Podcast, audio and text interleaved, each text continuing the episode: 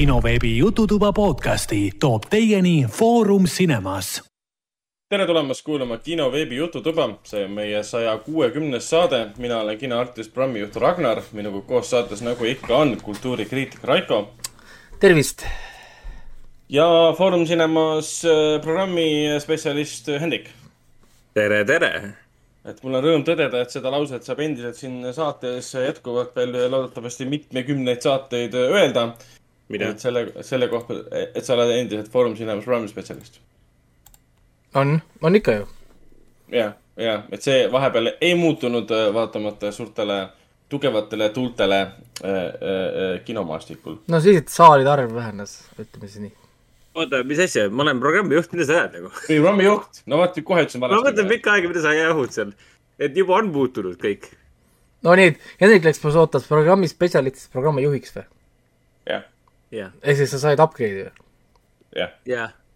arvad okay., et mitte Coca, arvad, et mitte Coca-Cola Plaza, vaid ainus kino, mis äh, Foorum Cinemasele Eestis alles jäi kahest kinost, ehk siis Viljandi kinosentrumi programmijuht ehk siis ma teen täpselt sama tööd edasi, mis muidu olen teinud, ma olen pro-, ma olen Centrumi kinokavad ju teinud aastast kaks tuhat seitseteist, nii et midagi ei muutunud no muutunud, aga see, kõik muutus. aga see Centrumi kinos mitu, mitu saali seal on? Kaks saali ja ainus kino Centrumis. ainus kino Viljandis tähendab ikka? Sorry, Viljandis jah. oota, aga Foorumil oli ju, kas on kunagi olnud Lätis ka kino või, Riias, Foorum Cinemas oma? ja, ja Läti ja Leedu. jah, ma ju käisin kunagi Läti, ja, jah, meil oli see Citadele seal, see suur, selle rongi, rongijaama, ei, autobussijaama ja rongijaama juures. nii, ja kuhu need, kuhu need kadusid? No need on ka siin äh, Apollo ja muude vahel liikunud, et jah. nii, lähme edasi okei okay, uh,, mis siis, mis siis veel, mis siis veel, mis siis veel? Täna... sa kõnnid, sa kõnnid õhukesel jääl, nagu praegu AVP ütles. kuule, siin AVP küsis ka, kuidas kanadel läheb, et või kuidas kanad elavad, noh, mina ütlen, et nad elavad. Nad tarbivad hapnikku, nad söövad, nad nokkivad ja, ja Nad on ikka veel elus. et eh, keegi pole söögiks läinud, mune nad pole veel mulle andnud, nii et rõõm kuulda. söögiks. oota, mis asi on söögiks läinud? söögiks pole veel läinud. aa, okei, okei, okei, okei aga no mõni vaatab sind valesti, siis läheb juba lõkkesse. no ei, kanad on nunnud, nad poevad ikka sülle ja. ja nad on nii toredad ja eriti kui neid süles hoida, siis sa hoiad neid. Siis ta teeb. tiibu kinni. lehvitab sulle näkku ja kõik ja, ja kõik lapsed jooksevad laiali, sest kana, kana, kana on, kana ründab. kana on ohtlik. jah, ja see on siis meie see saate see farmi nurk, et. jah mulle lihtsalt meeldis see, et äh, Raiko esimene reaktsioon oli, kuidas kanadel läheb ja nad on elusad. Nad on ikka veel elus. ei olnud see, et neil läheb hästi, lihtsalt ärge muretsege, nad hingavad veel. ja nad tarb-, tarbivad hapnikku ja nad nokivad äh, muru. Ei no üldse, ma räägin, ma panin vahepeal keldrisse elektri panin. nüüd on mul keldrisse lülitiga saanud pannud tuld, mis on. Äh, sul on kelder või? mul on, mul on, mul on pommivarjendi siin maja, maja kõrval on ju. ja, ja, ja ma hakkasin automaatselt mõtlema. mul on, kas sul on kelder, mul on kuuskümmend kaheksa ruutmeetrit keldrit. Vau, sorry. Weird flex, but okei okay. um.... see on nii nagu, kus, kusjuures äh, vanemal poisil, kellelt see müts ära varastati, tema oli hu huvitav reaktsioon, ma panin elektri sisse ja siis ta oli, jee, kui me lähme sinna varje, varjendisse, me saame Playstationit mängida jah, aga see on äh, tänapäeva, tänapäevane reaalsus. tore, et lapsed on juba noorest peast asjadega, asjadega kursis selles mõttes. jaa. Asjadega kursis, sõda ja surm ja siin Kalamäe lihtsalt... Facebooki grupis inimesed äh... kirjutavad, et miks, miks lapsed mängivad püssidega tänaval ja. ja ongi, kui me käisime siin sünnipäeval äh, poisiga ühel, siis nad mängisidki nagu Nerfi kannidega, püstolitega, venelased versus Eesti sõda ja siis, kui me, kui me, kui me ütlesime, et see pole okei okay,, nad vahetasid ära, et nüüd on Venemaa versus Ukraina. ja siis nad karjusidki, sure vene kõnts ja mingi sellist stuff'i vaata oh. kohutav. et mängivadki niimoodi, jooksevad ringi, karjuvad sellist stuff'i vaata. nojah, siin, jah, eks see, okei okay,, nojah, arusaadav ka, see kõik.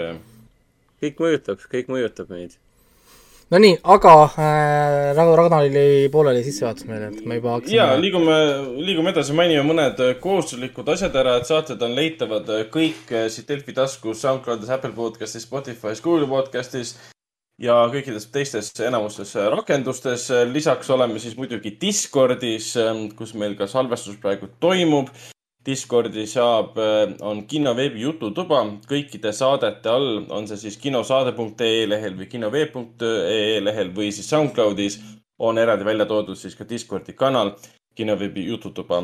lisaks oleme ka Facebookis äh, kinosaade, Youtube'is jälle kinosaade ja ka Twitch'is äh, vist oli endiselt alles kinosaade.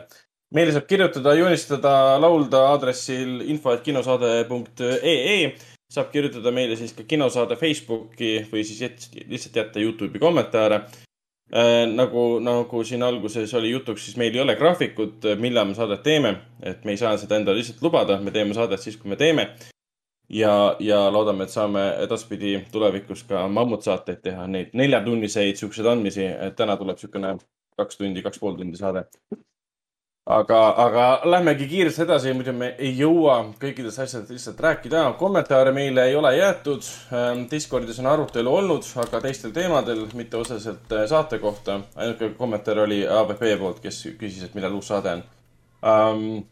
Ja, räägime filmidest ja seriaalidest, mis me oleme vahepeal vaadanud Äh, alustan muidugi Raikost. Äh, Raiko puhul ma vaatan, et äh, võttis ka ette Love, Death and Robotsi, millest ma eelmises saates ka põgusalt rääkisin. jaa, muidugi. see, et oli mul vaatamata, oli lihtsalt see, et ma olin aeglane. aga jaa, Netflixi lainel on olnud põhimõtteliselt siis Netflixi asju enamasti vaadanud Äh, Paramountis, noh, ma vaatan Halot natukene, et, et pole lõpuni jõudnud, aga ma vaatasin lõpuni The Lincoln Lawyer'i, siis mul oli eelmine kord poolteist episoodi vaatama, vaatamata. ja läks paremaks? vaatasin lõpuni, mis, mis ma tean, väike, väike puent seal lõpus oli, aga mitte midagi niisugust äh, üllatavat. aga viimane osa natukene päästis küll seda niisugust võib-olla lõpp, niisugust seda maitset, seda järelmaitset siis nii-öelda. et, et nad natukene ikkagist suutsid tekitada nii, niisuguse ikkagist äh, kuidas ma nüüd ütlen siis nagu, niisuguse karakteri, et ma tahan neid uuesti näha tegelikult, nii et selles mõttes teine hooaeg võiks nagu vabalt tulla küll, äkki siis tuleb ka. Äh,. Siis äh, hakkasin äh, vaatama tõesti Love, Death and Robots, kuna noh, see on nii lühikesed episoodid, siis äh, need osad läksid tõesti kiiresti ja ta tõesti, ta ei ole 4K-s, ma vaatasin siis mm. siit suurelt ekraanilt hästi ilus crispy pilt, samamoodi nagu Arkane'i kõrged äh, bitrate'id ja äh, asjad. Äh,, aga ta ei ole jah 4K-s kahjuks. Äh,, millegipärast näitab ilusti tuhat kaheksakümmend, kui ma vaatasin siis seda streaming infot, äh, näitab mulle kuigi väga 1000, väga ei tunne küll, et paneks millestki ilma. tuhat kaheksakümmend, ei, ta ilma see küll ei jää, selles mõttes ta ikkagist tõesti väga noh, väga ilusa pildiga, täpselt, täpselt nagu Arkane mm.. ta on lihtsalt või Castlevania lihtsalt nad on need anim-, animeeritud kuidagi nagu hästi niisuguse tugeva kõrge bitrate'iga, nii et info on tegelikult olemas. ja, ja noh, siin on tõesti erinevad episoodid, noh, siin peaks iga, igast episoodist tegelikult natuke nagu eraldi rääkima äh,. ma võtan korra selle episoodi listi lahti korra kiiresti äh,, nii äh,. Siin. Now Death and Robots, season kolm äh, ja episoodid võtame siit lahti. nii, esimene episood oli Three Robots Exit Strategies, Exit Strategies mm. -hmm. ehk siis see on see, nii-öelda see, tuli, tuli tagasi siis see varem äh, olnud eh, punt karaktereid, kes siis nii-öelda jätkavad oma eks-, ekskursiooni siis nii-öelda siis sellest iidset, iidsetest inimestest või, või kuidas siis need inimkondadest ära, ära nagu kadus. täpselt samas vaimus siis põhimõtteliselt nagu see äh, ka viimases episoodis oli. niisugune, ta mitte midagi ütleb tegelikult episood, me lihtsalt saime teada, et, et kus, kus see algas ja rikkad inimesed ja, ja tegid nalja natukene nende tech-biljonäriside üle ja jaa, see oli päris hea. ja see lõpp oli ka päris hea, kus nad naersid niimoodi. et mis see lause oli, et äh, maailm hävines, sest because they were mean to robots mis on see, jaa, ära ole kuri robotite vastu. ja, ja siis lõpus, kui seal äh, üks, üks tegelane Marsi peal seda äh, jooki rüüpab, siis what did you expect, Elon Musk? mulle väga meeldis see. jah, et see oli päris hea, päris hea. siis oli muidugi härra Fincheri äh, lavastatud äh,, tehtud äh, Bad Traveling, mida võib-olla loeks ka üheks parimaks episoodiks minu arust. mina andsin sellele üheksa punkti äh,. noh, nagu e, nagu episoodidest, et näiteks kui ma sellele esimesele andsin seitse, siis Bad Traveling sai mu käest äh, tugevalt üheksa punkti. ja see on siis niisugune, niisugune huvitav nagu minifilm tegelikult, niisugune, niisugune lugu, kuidas siis mingi vana laev on tormisel merel ja neile satub siis laeva äh, ma ei tea, tanapood või, või, või kuidas nad seda siis nimetasid seal, põhimõtteliselt suur krabi, kes lihtsalt tõugib inimesi. jah, ja, ja, ja siis äh, tegelased tõmbavad siis äh, nii-öelda nagu liisku, et kes läheb siis sinna alla ja vaatab äh,, mis selle krabiga siis teema on. ja, ja siis üks vend läheb ja saab aru, et see krabi on intelligentne ja see krabi soovib minna ühele konkreetsele saarele, mis on siis tihedalt asustatud saar. Soovib minna sellele saarele ja siis ta teeb selle krabiga kokkulepet, et tema on ainukene, kes saab teda sinna viia ja no ühesõnaga selline noh, nagu stuff. ja, ja siis hakkab siit lugu nagu vaikselt minema ja seda kogu aeg läheb natukene teises suunas, kui sa arvad, et see tegelikult nagu läheb. et, et pidevalt tundub, okei okay,, et nüüd tuleb see, nüüd tuleb see, nüüd tuleb see, kuni siis selle suure finaalini välja, et seda ma tõesti soovitan, see oli üks pikemaid ka vist, see oli peaaegu mingi, peaaegu kakskümmend minutit oli see episood, nii et see on üks pikemaid ka siis kakskümmend üks, jah. kogu, selle episoodi listis siin Uh, kolmas episood on The Very Pulse of the Machine, kus kaks naist on siis ähm, Aio peal, mis on siis üks Jupiteri kuudest. jah, ja see on üks nõrgemaid äh, minu arust, ma andsin selle, idee oli tal väga tugev. jah, mulle meeldis üks, üks meem on Nankagis, et, et äh, the biggest fantasy in love, death and robots is that they are trying to convince us that the, uh, there are two wo- women astronauts who are, who are able to go on IO ha,. ha-ha-ha. et, et, et Okei. my god. et, et siis sellised, sellised äh, naljad. aga, aga ei, muidu ta on selles mõttes, ta on väga niisugune, niisugune psychedelic story, et, et väga nagu äh, võib-olla klassikaline anim-, animatsioon minu arust, et tihtipeale, kui alu-, alustatakse niisugust kunstilist animatsiooni, siis tehakse taolisi asju. kus kohas mingid karakterid näevad mingeid visuaale ja nad on pool pilves või mingi stuff on ja siis on hallutsinatsioonid möllavad nii-öelda ehk siis selline, et ma siin midagi spoilerda, aga ta ei ole tõesti midagi niisugust ähm, visuaalselt oli ta kena. visuaalselt on nad kõik, visuaalselt on nad kõik kenad. see, selles mõttes no, seda siin ei, see et, et siin ei ole, ma ei hakka seda, sellel pikalt peatumagi. võib-olla eraldi mainin ainult ühte, ühte, mis minu arust oli visuaalselt võib-olla kõige parem, mis on ka tegelikult järgmine, on väga huvitav tegelikult, või ütleme, see on küll kõige parem, kõige huvitavam, Night of the Mini Dead. see oli nii äge. see ja võttis suurepäraselt kokku kõik zombifilmid. jah, ja ma andsin selle üheksa punkti, sest nad tegid viie minutiga every zombie movie ever made. Mm. Ja nad tegid seda viie minutiga ja minu arust nagu nii kihvtilt nagu minitasemel, ehk siis nad kasutasid mingeid neid minisid ja, ja asju ja see on stop motion animatsioon, mis on Jah. crazy. see oli siis nagu üla, ülalt vaates, kuidas ta nagu time-lapse võttel. jaa, see on nagu ta-, ta-, time-lapse võttel jah, seda nimetatakse, ma ei tea, kuidas selle vaataja nimi on, mingi Jah, see on hea küsimus. jah, ma ei, ma ei, ei mäleta selle võtte nime, nime hetkel äh, saab kuskilt välja guugeldada. aga, aga jah, ta on see polüest-, kurat, tead, nüüd hakkab, nüüd, nüüd see jääb mul äh, kummitama mind. Tilt shift või? vist, ma ei tea, ma vist on tilt shift, ühesõnaga kus sa, kus sa filmid äh, hästi kiiresti ja pärast lased seda teatud kaadrisageduses ja näed seda sagimist hästi kiiresti, kuigi sa kõik filmid selle normaalses kiiruses justkui. Või no jah, sa saad mängida selle focus, focus shift'iga, jah, peaks olema tilt shift. Focus shift. nii, ja, ja mi- mi- midagi sellist vist jah. ühesõnaga, see on jah, niisugune tõenäoliselt ka ma arvan, enamuste lemmikepisoode äh, on siis see Night of the Mini Dead äh,. siis järgmine on siis klassikaline anime, kui te mõtlete anime peale, mõtlete lääne anime peale, noh, mõtlete lääne, nagu, nagu lääne animatsioonide peale, näiteks Castle, Castlevania, Dota lühidalt siis on Kill Team Kill, sarnase stiiliga tehtud lugu lihtsalt, kus äh, US äh, või noh, USA Special Forces läheb mingi missioonile metsa ja siis äkki mingisugune robotkaru hakkab äh, rebima nahka ja verd. see on ka kõige verisem lugu ja, ja, ja see on ka lugu siis kus on siis kõik need teemad käivad läbi tegelikult, love, death and robots.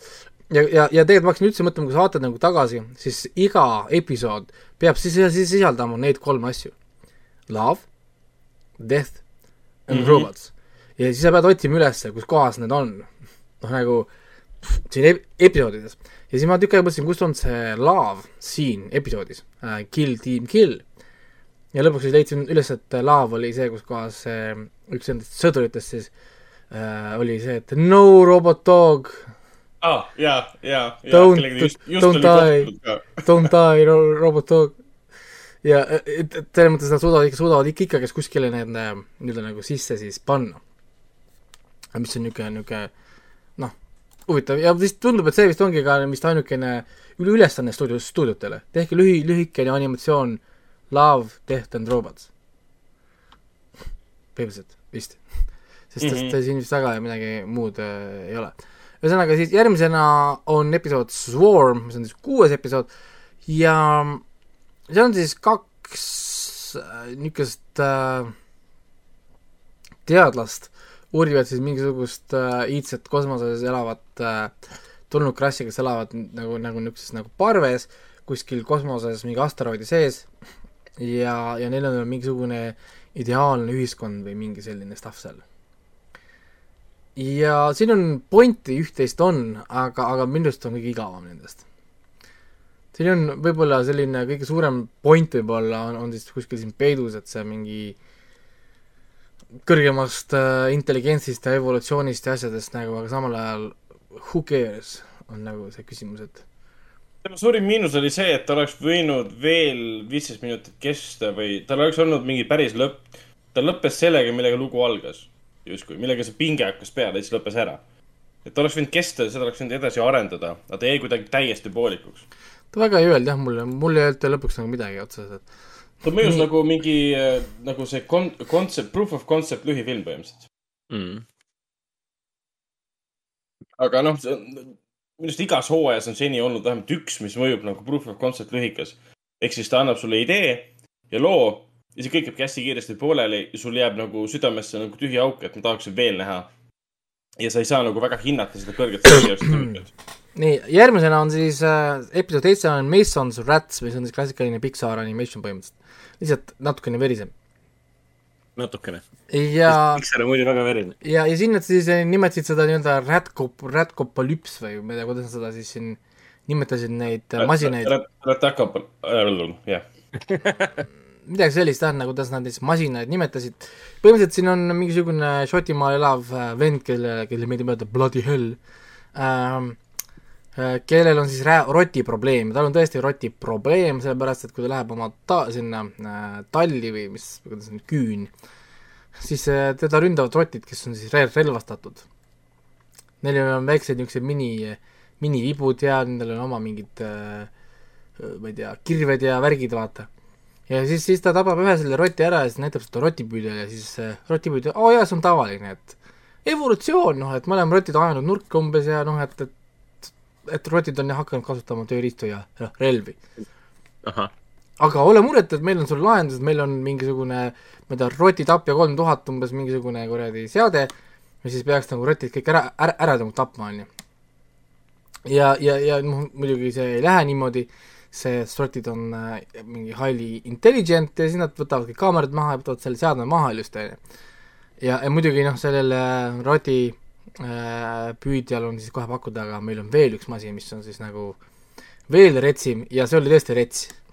ja ja siis hakkab siis neid rotte tapma nii halastamatult, et see härra šotlane peab ütlema uuesti bloody hell mm.. ja, ja, ja muidugi eks tal hakkab lõpuks võib-olla hale siis ka.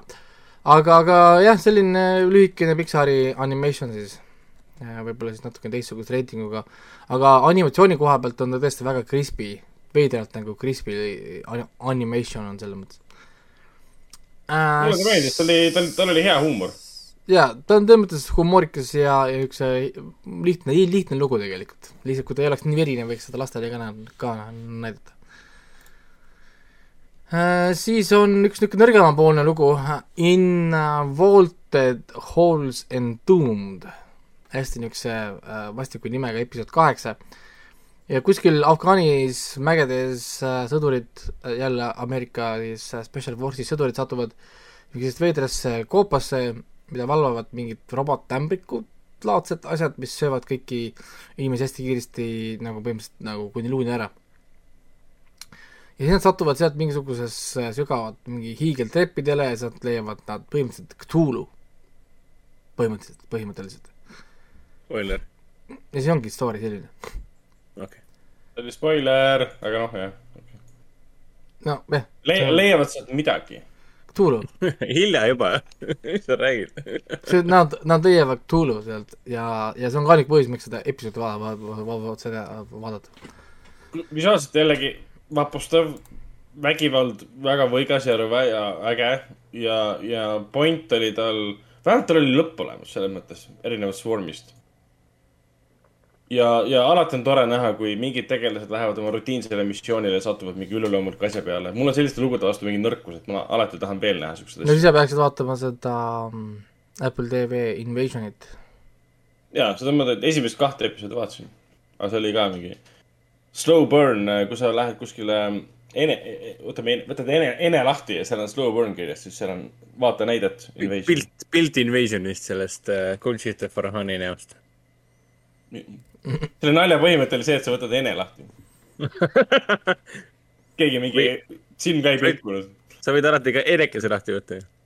ja enekese võib lahti võtta. mina, mina mõtlesin, et sa hakkad rääkima enekast, et miks sa teed suitsiidi. see on, et see on nagu nii slow burn, et sa hakkad enekat tegema või? et, et, et nagu what the heck. nii, aga äh, viimane episood, üheksas episood on siis Chibaro äh,, võib-olla enim räägitud episood, sest äh, ta on kõige veidram episood äh,. ma olen mingeid klippe näinud ja, et päris creepy näeb välja. põhimõtteliselt see on lugu siis, kuidas mingisugused rüütlid, see on mingi kolo-, kolonialismi mingi sümbolism siin tundub, midagi sellist. aga ühesõnaga, siin on mingid rüütlid on kuskil järve ääres, siis järvest tuleb välja sireen, kes kutsub nad kõik siis äh, järve uppuma ja kõik lähevad hulluks, aga üks rüütel on kurt. ja siis see sireen äh, ei saa teda nagu kutsuda ja siis tal tekib nagu obsession, tekib mingi veider love story, aga noh, kuna see sireen on robot, siis siin on verd ja muud stuff'i ja, kas ja eesti keeles öeldakse ka sireen või? mis ta on siis? peaks, peaks olema küll, jah. sa mõt-, sa, mõtled, okei okay.. kes teist selle Odüssese loos olid, vaata nad meelitasid neid mehi seal ja nad äh, sidusid ennast masti, masti külge, et nad hulluks ei läheks ja nende juurde ei läheks.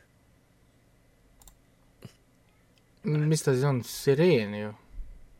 vist on, ma ei ole nagu eesti keeles kuulnud, et oleks, öeldakse sireen. sireenide laul, mis asja? no vist ikka on Jah.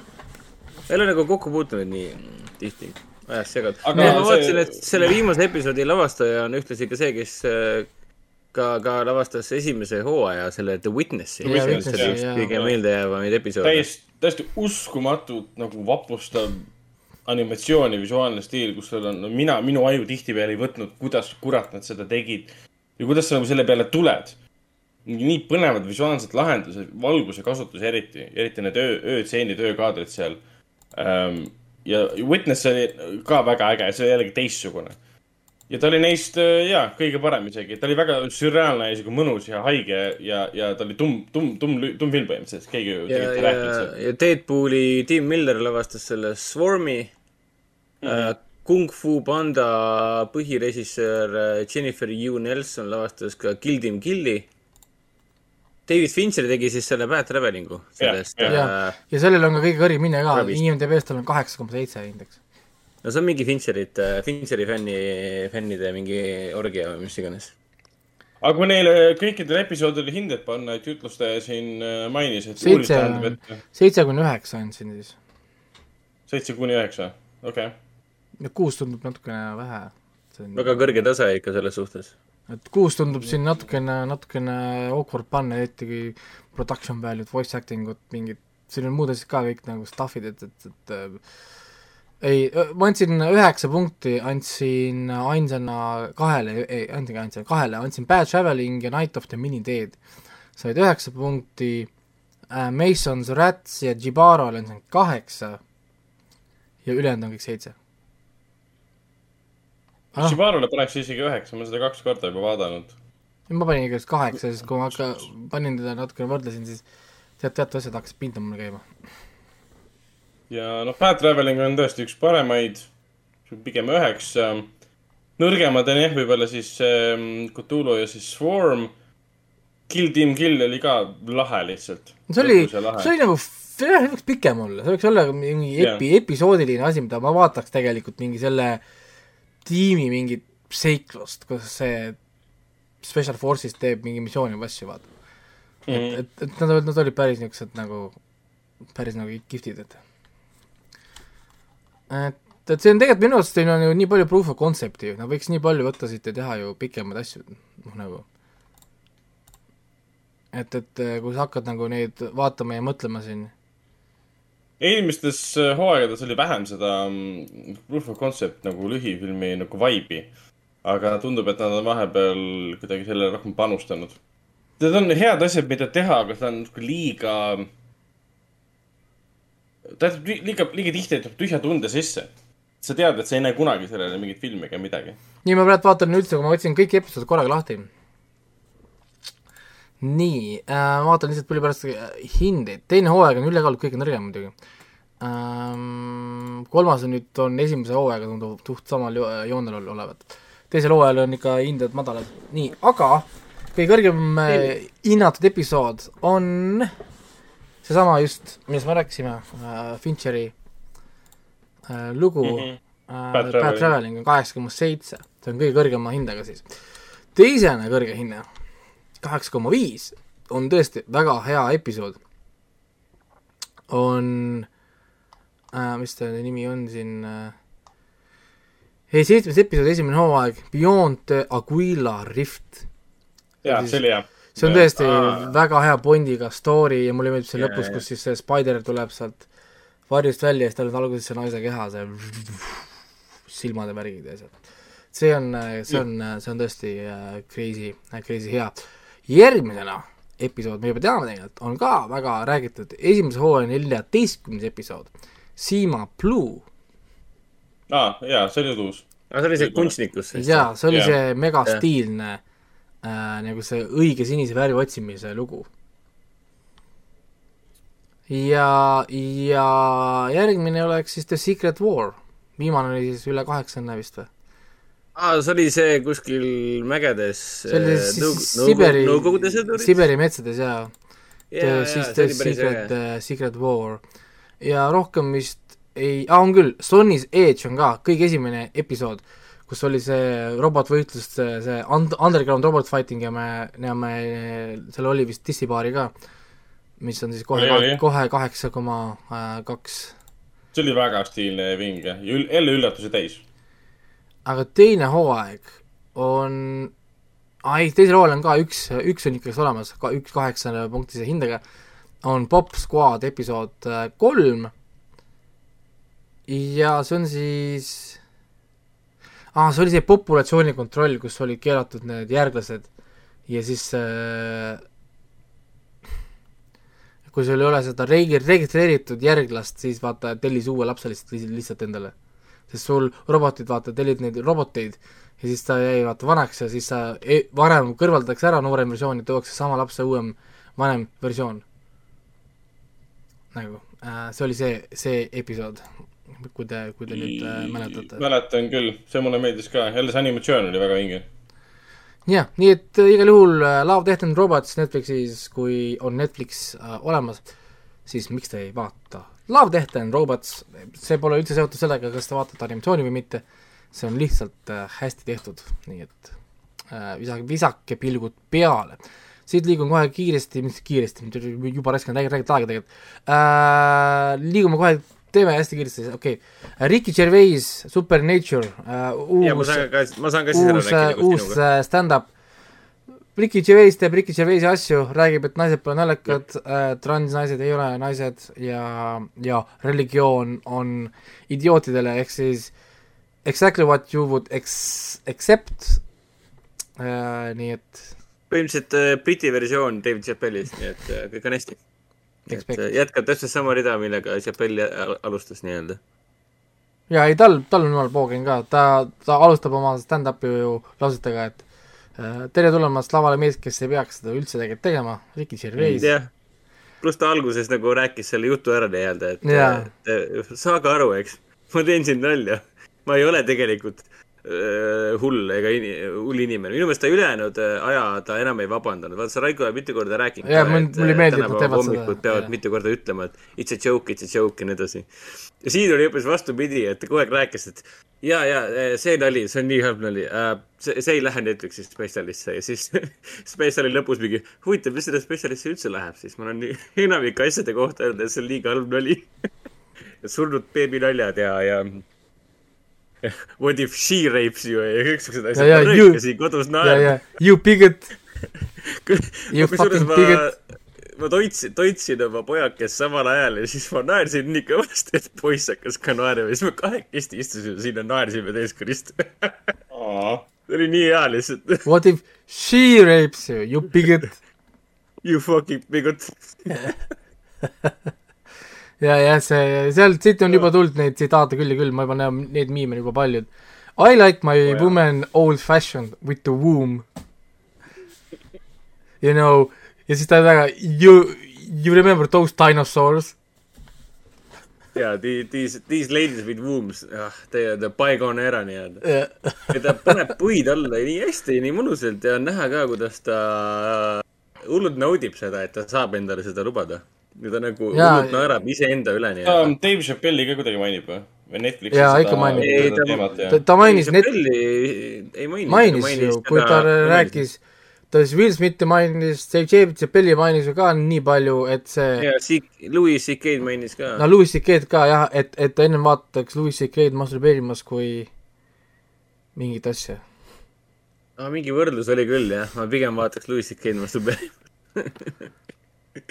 kuidas ma ei mäleta enam, mis asi see võrdlus ma ei mäleta ka, aga ma tean, et ta tegi näiteks nalja, et need minority'd üle, et kuulge, te räägite, et viis protsenti on see ja teine on minority. kuulge, mõelge, mõelge, mõelge minu peale. I m a, I m a white straight uh, millionaire. There is like under one percent of us jah, We, we are the minority. ja mina, mina ei kurda. jah, and you don't see me complaining umbes nagu. et äh, noh, et lõpp, lõpp, teine pool läks ta minu meelest samasuguseks siukseks dramaatiliseks või hästi tõsiseks nagu Chappelle'gi. Et nad, see ei ole enam stand-up isegi, see on pigem nagu, nagu, nagu, ta on see stand-up ka, aga ta on nagu heas mõttes nagu loengu andmine. ei no see on, mida see Selline, mida hakkas tegema nii-öelda. see George Carlin kunagi. ja põhimõtteliselt jah, et see ta on nagu, muutus nagu Welcome to my TED Talk. jaa, et põhimõtteliselt ta nagu tuletas nagu mõle-, mõlemad, nii Chappelle kui Gervais nagu tuletavad meelde, et äh, inimesed, õppige jälle mõtlema ja nii edasi. ja mulle ka meeldis see armas lugu, kuidas ta rääkis sellest äh, matuse, matuse lugu nii-öelda. See oli siuke, see polnud eriti naljakas, aga samas oli see hästi armas, et kuidas, kuidas tema ja tema sugulased omavahel, neil koroona ajal polnud probleeme, sest nad niikuinii ei kallistanud üksteist eriti. Nad pigem ärritasid üksteist. aa, ja siis ta Siis rääkis oli- vist ka see, et mingi sugulane oli matustel ja siis mingi vana mees vahepeal liikus ja siis ta ütles ka, et kuule, et kas sul on mõte üldse mõtet koju hakata mm, minema või? aga sa oled juba kohal ja mis, mis sa enam tahad? ja siis vaatas talle otsa mingi, nii, nii tore, et sind ka näha, Bobi. ja siis ütleski, aga that, that is our hug nii-öelda. et, et, et kõrvalvaatepilgu äh, suhtes võib see tunduda küll selline, et mingi, issand jumal, sekkuma peaks politsei või P-, jah, PC poliis peaks sekkuma, aga see oli päris hea, et kuule, kas sul on üldse mõtet enam koju minna või? kui sa juba siin matustel oled. ja siis see oli, see alguses ka, et äh, fart at the baby's funeral. aa ja, ja see lugu. That is funny. jah, ja et keegi oli eelmise, tema eelmise, mis oli Humanity või Netflixi spetsiali Twitteris puid alla pannud ja öelnud, et äh, sinu, sa oled sama naljakas nagu äh, peeretus äh, beebi matustel. beebi äh, matustel. ja siis selle peale Riki ütles, et aga see Thank on ju väga naljakas, ma ei tea, millest sa räägid., that's a compliment. ja siis Riki, Riki ka mingi, jaa, aga samas äh, these people could, could use a giggle nii-öelda, sest äh, tõenäoliselt on beebi juba nädal aega surnud olnud, kõik on hästi kurvad. tõenäoliselt äh, isa naerab rohkem kui äh, ema, sest noh, naised, those women. jah, siis ta tegi seda women, jah, et noh, jah, et hästi, hästi sünge oli kohati ka, et mina naersin ikka elu eest, et. ei mina naersin ka palju, ma, ma naersin ka palju, et see oli ikka vahepeal ikka lõgerdasin, lõgerdasin, sest jaa, et pärast siin rääkisin edasi ka seda veel, et siis mõlemad naersime, kolmekesti naersime siin. ja kõige vahvam oligi siis see, kuidas poiss lõkerdas naerda. sest mina ei saanud pidama. ja ei, ma soovitan igal juhul, aga lihtsalt, lihtsalt kui, kui asjad äh, teid solvavad, no, nojah, siis äh, Ricky Gervais ei ole tõenäoliselt see valik äh,. Äh, või koomikuna siis- või siis, ma tean, mille kus ta ütles seda, ta rääkiski sellest, et on tekkinud uus asi, mille, mille nimi on äh, woke comedy. nii niimoodi, et siis kõik publik täidab ära umbes need küsimustikud, värgid, et, et, et ei ole solvavaid nalju, ei ole, ja siis on safe space ja siis ta ütles, et ta on vaadanud mõnda seda woke comedy't ja siis ta ütleski, et ta ennem ausalt öeldes vaatab äh, Louis C.K.'d masturbeerimas kui neid kuradi woke comedy spetsialeid või asju. Ma tahaks ka, ma pean üles otsima, äkki Youtube'is on midagi olemas, et ma tahaks näha seda Woke Comedy stand-up'i, et, et, et no, no vaata, vaata mingit Eesti Comedy Estonia oma, siis võib-olla saad aru. Comedy'ga seoses äh, Trey Parker ja Matt Stone ju selles äh, pikkades South Park'i filmides tegid ka ju selle suhtes nalja. Et kui nad kõik olid suureks kasvanud ja kaugel tulevikus see Timmy või? ei, see oli Teme, ei, mitte see tema. igatahes see tüüp, kes karkudega on ja kokutab, temast sai ju stand-up comedian ja tema on woke äh, stand-up comedian, kelle kõik naljad algavad sellega, et ta tahab sulle puid alla panna rämedalt.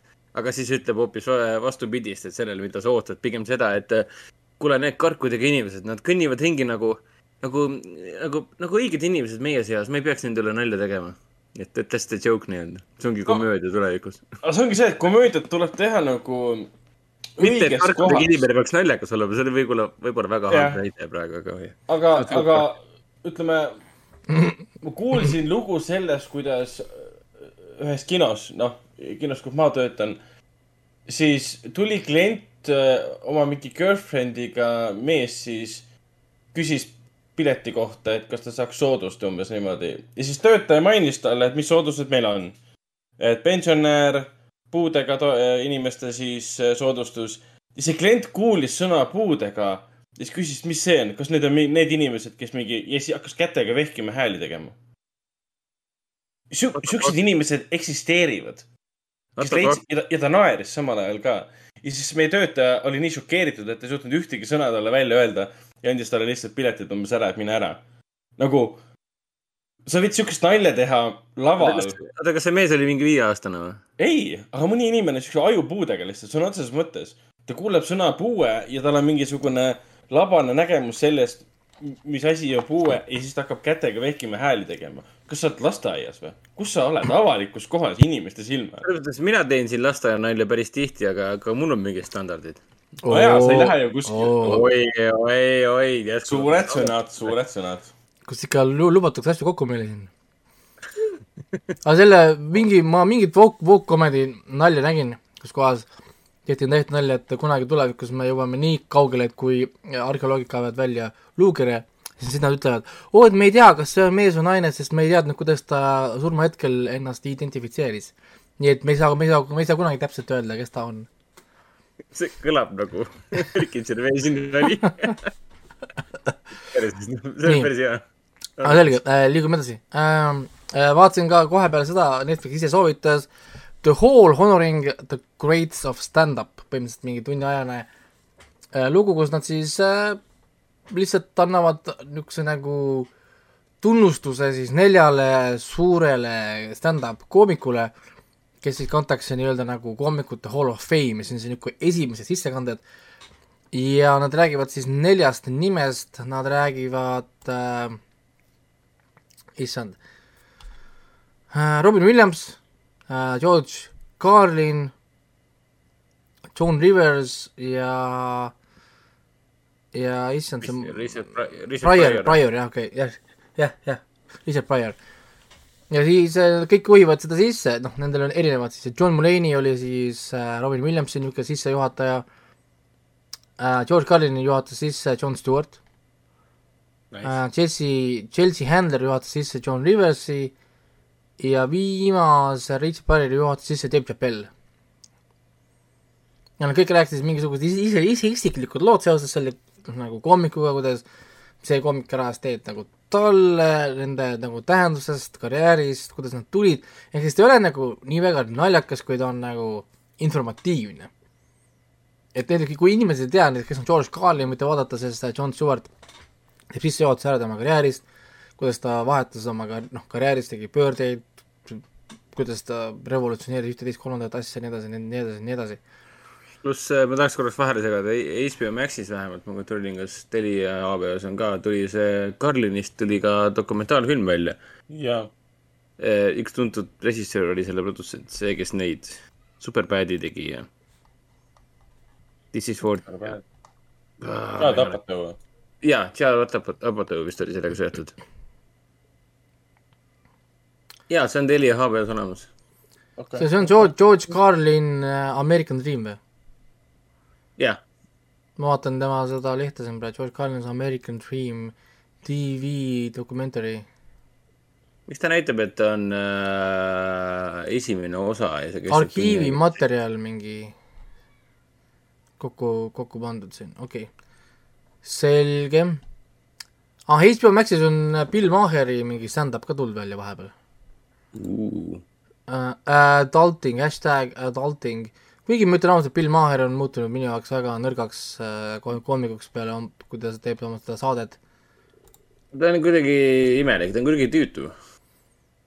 ta on liiga ennast täis, aga tal ei ole nii-öelda nagu, nii-öelda nagu something to cash that check, et äh, tsiteerides Top Guni, et your body is writing uh,, ei, your ego is writing checks, your body cannot cash. Nice.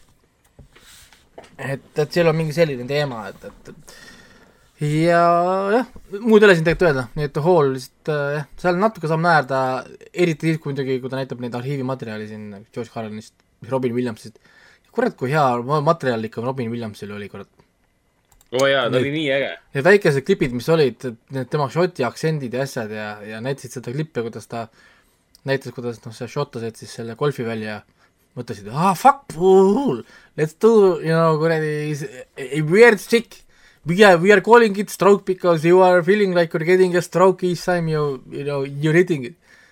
ja fuck cricket, it's, it's not cricket, we put the hole, yeah, hundreds of yards away jaa. et nagu noh, ja, ja niisugune tõesti mingi ultra energiline stuff, et tõesti kahju.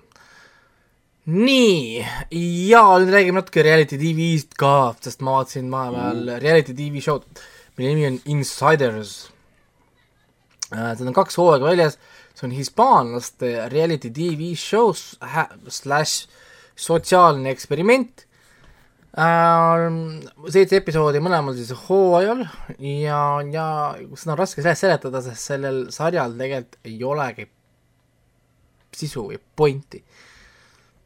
Põhimõtteliselt äh, premise on selline, ma proovin seda edasi anda siis ähm,, premise on selline, et on kaksteist siis osalejat, kes äh, teavad, et nad peavad võtma osa mingist uuest reality tv show'st, aga nad ei tea, millest täpselt see reality tv show on. Ja nemad, nemad arvavad siis, et äh, et nad on nagu viimases casting'u stage'is, kus kohas need siis nagu järgmine etapp on, nad saavad siis nagu saatesse. tegelikult saade juba algas, aga nemad ei tea veel seda.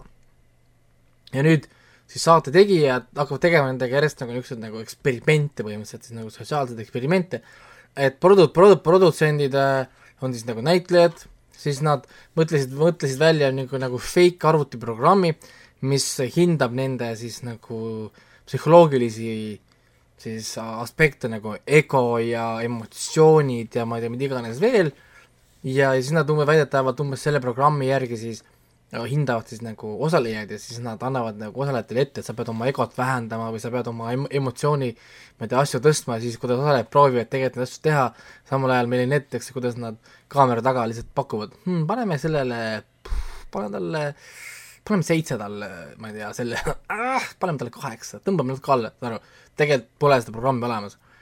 onju, ja kõik kohad on kaamerad täis, nad arvavad, et neid ei filmita era seal ruumides, tegelikult kõik filmitakse ära, siis hiljem need pannakse kokku, neile näidatakse, mida nad rääkisid, kui nad arvasid, et keegi neid ei kuule, siis tekitatakse draamat ja ühesõnaga selline stuff on. ja siis mina mõtlesin, kuidas nad, kuidas nad saavad teist hooaega teha, kui kui see on ju noh, nagu läheb nagu eetrisse, siis inimesed teavad, et see see on nagu olemas, kuidas sa saad teha nagu teist, teist hooaega ju, sa ei saa enam nagu inim-, inimesi pettu, nad teavad, et see on, et nad on insiders, siis, siis nad ju teavad, aga tuleb välja, et nad filmisid teise hooaja kohe järgi esimesele hooajale. Nagu enne, kui e- esimene pool tegelikult eetrisse läinud, filmisid teise juba kohe järgi ja nad kasutasid esimesest äh, hooajast saatest näitlejaid, need näitlejad, tähendab osa, osalejaid ja saatsid need siis nagu uude saatesse kui nagu moolid ja siis läbi nende moolide hakkasid nagu tekitama uusi pingeid ja uusi asju. jättes, jättes nagu mulje, et äh, paralleelselt on nendega ka teine casting protsess käimas, kellega nad peavad võistlema, näidates neile siis klipikesi tegelikult siis sellest eelmisest reality tv show'st, esimesest hooajast. jah, nagu niisugune nagu ehk siis kui teile meeldivad sotsiaalsed eksperimendid ja, ja võib-olla mitte kõige teravamad inimesed, pliiatsid, pliiatsid siis, siis äh, Insiders on võib-olla midagi, mida võiks vaadata. mul on paar episoodi veel teis-, teisest hooajast minna, aga see on tõesti väga veider äh, reality tv, et äh, ma ei oska öelda, kas see on nüüd äh, hea või halb, aga ta on veider ja unikaalne või kindlasti, nii et äh, Insiders. aga mida sa praegustest, ütleme, ütleme nendest äh, reality tv-dest soovitaksid näiteks meil vennaga vaadata? mida sa teaksid, meie maitset arvestades, mis oleks nagu meile huvitav? või mida sa kuulajate kildi soovitaksid praegu või jah? no mina ise vaatan seda The Circle'it, sest minu arust on väga huvitav asi. mm. -hmm. No seda, aga kuna kõik vaatavad seda, see on kogu aeg mingi trendib ja ta on igal pool mingi teema, siis siis vaatajanumbrit nii-öelda pro-, pro-, probleeme ei ole, ta, aga noh, The Circle on jälle, ta on, ta on nagu teistsugune, ta on nagu aeglasem, aga noh, samal ajal ma räägin, ta on asi, millega kõik saavad relate ida, sest see on so-, so-, social networking nagu mäng, keegi ei tea, kas keegi on catfish või ei ole. me oleme Circle'ist rääkinud mitu korda, et nad on ühes korterimajas kõik, kõikidel oma nagu korter, nad suhtlevad läbi selle väljamõeldud sotsiaalmeediat The Circle ja pooled, seal on osad on catfish'id, osad ei ole ja nemad ei tea, kas need inimesed on catfish'id või nad on päriselt, kes valetab, kes ei valeta ja siis mängivad erinevaid mänge ja asju ja nad suhtlevad ainult läbi sotsiaalmeedia. Nad ei teada kohta neid teisi osalejaid. ja, ja ise siis peavad hääletama siis äh, sisse-välja seal inimesi vastavalt sellele, kuidas nad läbi neid sotsiaalmeedia nagu näevad. ja, ja seda võib selles mõttes iseenesest nagu vaadata, aga praegu mingit niisugust üüberhead reality tv-d ma pole näinud. mina ise tegelikult ootan neid äh, spordiomasid tagasi, neid MMA omasid, ma tahaks seda Beastmasterit uu- uut hooaega, ma vaataks kas või Ninja Warriori vaataks uuesti, mingeid uusi, uusi, uusi hooaegu. aga need, need ei tule noh, nii väga tihti ja siis, siis siis peab ka ootama noh. ja noh, ja Eesti kindlasti ärge vaadake Eesti omasid nagu neid tüdrukute õhtud ja kuradi fucking äh, poissmeeste õhtud, mis iganes need seal olid. Need on absurdne nonsense, production quality on nii sitt, et, et sorry, ma ennem vaatan seda viiruse filmi uuesti, kui kui kuradi seda, seda paska, mis nad, mis nad, mis nad toodavad. Sa pigem ka enne vaataksid äh, Louis CK-d masturbeerimas, jah. jah, et me siis äh, koos, koos Gervaisiga istume tooli peale ja sööme, sööme, sööme popkorni ja siis vaatame, kuidas ta annab minna. no nii, Hendrik, räägi, palun. räägi jah kiiresti ära, mis sul äh, pakkuda on, siis ma teen, ma ei tee väga pikalt seda kanni asja. Äh, okei, aga ma siis jätkan kiiresti. Space Force'iga olen jõudnud selle asemel, et Demon Slayerit vaadata lõpuni või siis äh, Jujutsu Kaiseniga jätkata, ma hakkasin hoopis Space Force'i vaatama eelmine nädal. ja nüüd ma jõudsin teise hooaja esimesse episoodi ja ütleme niimoodi, et esimese hooaja mingi kolmandast-neljandast episoodist hakkas mulle täitsa meeldima. et esimesed kaks-kolm olid küll umbes nii, et, et kas see et tundub, et see IMDB reiting, mis on natuke alla seitsme, ehk siis sihuke keskpärane kuus, noh, vastab tõele, et, et iga episood ikkagi ei suuda või noh, mitte iga episood. võib-olla viisteist minti igast episoodist suudab nagu, ma ei tea, meeldejääv olla. või liiga karmilt öeldud võib-olla. aga, aga mulle hakkas täitsa meeldima, kasvas täitsa külge ja ma olen selle mm, Space Force'iga nagu isegi väga rahul, et mulle see Steve Carelli ja John Malkovichi äh, dünaamika kohutavalt meeldib, nad on hästi nunnud koos nii-öelda. ja, ja ka teised suhteliinid on hästi toredad, eriti mulle meeldib see sealt, mm, ma tean teda muidugi ainult äh, Parks and Recreationis, Fuck Tony on ta nimi, nimi, no kutsuvad teda Fuck Tony'ks, see reklaamimees, see publicist nii-öelda, kes kõnnib ringi ja ei suuda oma telefoni maha panna ja ajab mingit hülgemöla ja keda on vähemalt kolm-neli korda vallandatud ehm,. Jah, ei mulle meeldib, mulle tõesti meeldib see sari, aga ta on, jah, ta ei ole kindlasti, samad tegijad küll, aga ta ei ole kindlasti ei, ei mitte kellegi Office, ei kellegi Parks and Recreation, ei kellegi Brooklyn Nine-Nine, et noh, ta on äh, ebavajalikult palju on siin keskendatud, keskendutud keskendatud, keskendatud. liiga palju on keskendutud siin äh, äh, draamale, et see on nagu, mis ta on siin, kakskümmend kuus, kakskümmend kaheksa, kakskümmend üheksa minutit episoodid. et, et, et kui te teete ikka satiiri äh, Trumpi äh, Space Force'is, siis te peaksite nagu sinna, sinna nagu rohkem keskenduma, ma arvan. et rohkem panustama just nimelt sellele et kuidagi see draama osa on umbes niimoodi, et äh, me oleme seda kõike ju, näinud, see ei ole eriliselt huvitav. ja nad väga ei muuda ka seda, noh, ülemääraselt nagu teistsuguseks. Et see on see suurim, suurim nii-öelda lonkav jalg seal, selle sarja juures. aga nagu ma ütlesin, siis ta kasvas külge, et kui võimalus anda, siis see Space Force kasvab küll, külge, et kuskil hooaja lõpupoole mul juba käsi tõstis kohe, et okei okay,, ma panen eelmise episoodi peale, ma tahan edasi, edasi näha, mis toimuma hakkab.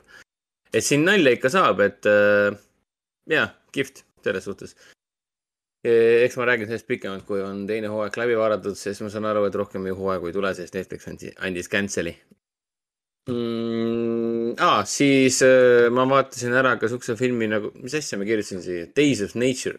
ma vaatasin siukse, Tony Scotti filmi vaatasin ära nagu äh, Days of Thunder.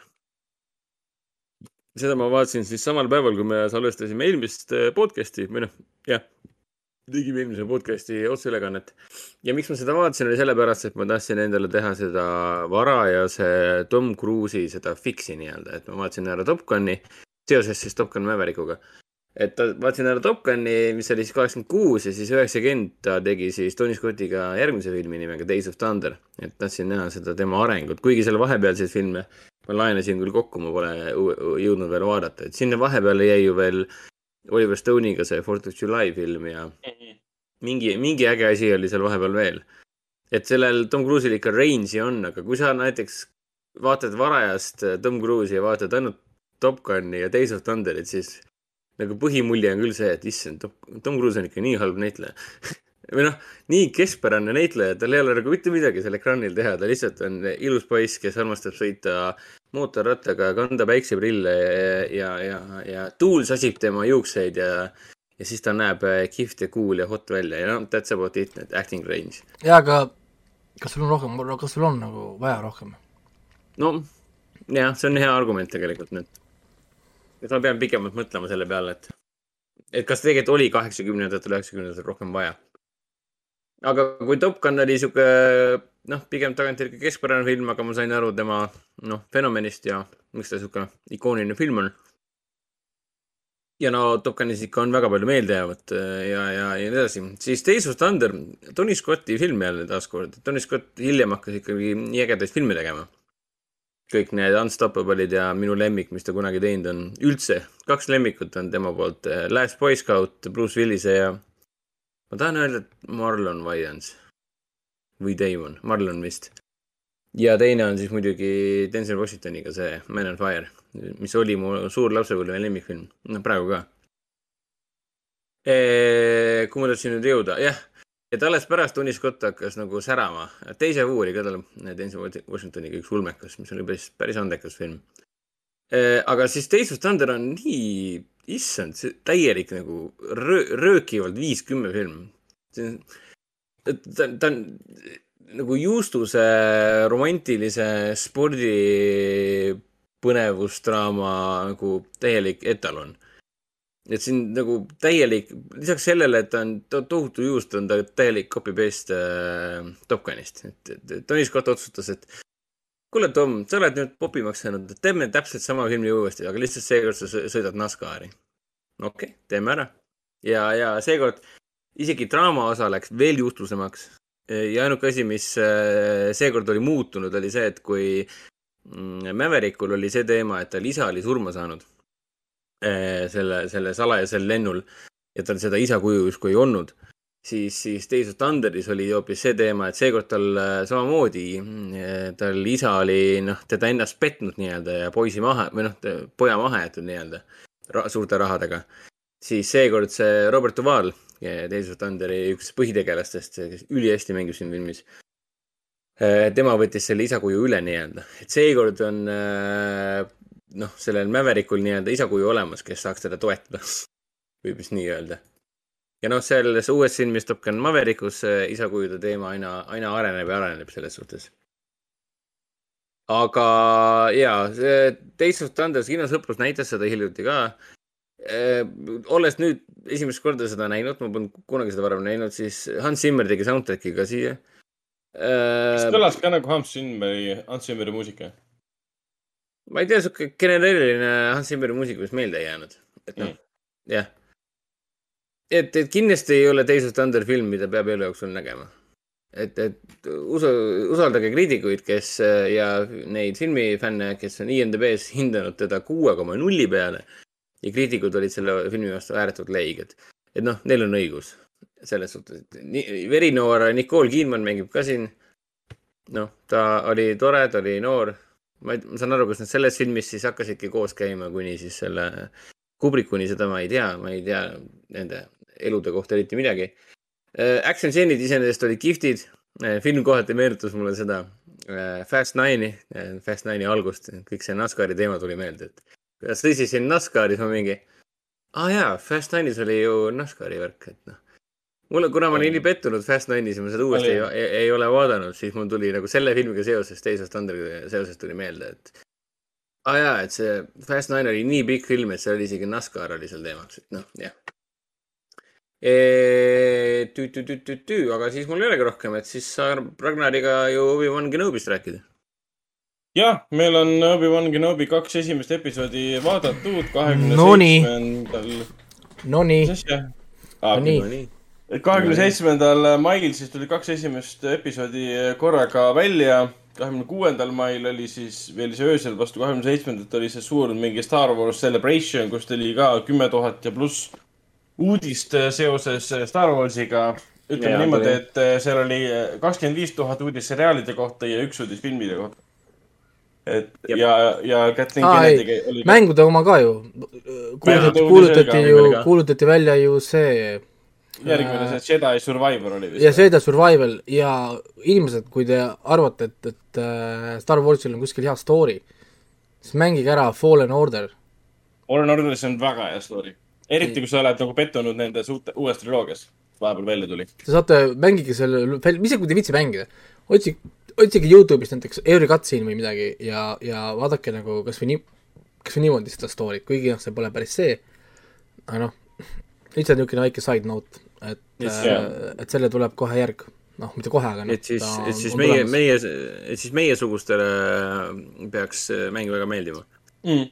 Fallen Order siis, ehk siis meiesugused need, kes vaatavad Mandalooriani ja mõtlevad, et thank god, et Star Wars on jälle hea, et noh. tal on väga hea lugu ja ta on mõnes mõttes väga klassikaline kolmanda isiku vaates seiklusmäng ka. Et ta ei, ta ei, ta ei ole väga modernne, ta ei ole liiga vana, ta on täpselt sihuke õige, vähemalt minu aeg õige kesktee leidnud. ja, ja, ja Aga- nüüd ju EA otsib endale ostja, ostjad ka, nii et äh, kellel on natuke raha üle, ja, saate EA ära No- osta. ma arvan, et Disney ostab ära lõpuks, et äh, ongi neil uus stuudio, kes teeb, teeb neile mänge. aga igatahes oli jah, väga palju uudiseid, üks uudis oli siis, oli siis äh, filmi kohta ka, aga Obi-Wan, Obi-Wan tuli siis Obi-Wan, välja. Obi-Wan on siis lugu, mis leiab aset kohe pärast, no mitte kohe, aga mõnevõrra, mõnda aega on küll möödunud, pärast siis kolmanda osa sündmuseid. kolmas osa Revenge of the Sith, kus siis lõpus toimus Order sixty six ja kus siis klooniarmee tappis maha, klooniarmee, kes oli siis võidelnud kõik need äh, pikad aastad äh, siis Jedi-dega koos äh, selle föderatsiooni vägede vastu.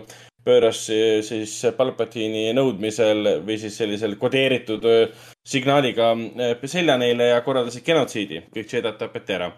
ja siis kolmas osa lõppes sellega, et Obi-Wan Kenobi võttis siis Luke'i, Leia viidi siis nende Bail Organa siis perekonna juurde ja tema võttis siis Luke'i, viis ta sinna, mis selle, mis see oli, Tatooine või? Naboo või? Naboo, Naboo, Naboo. Vist jah.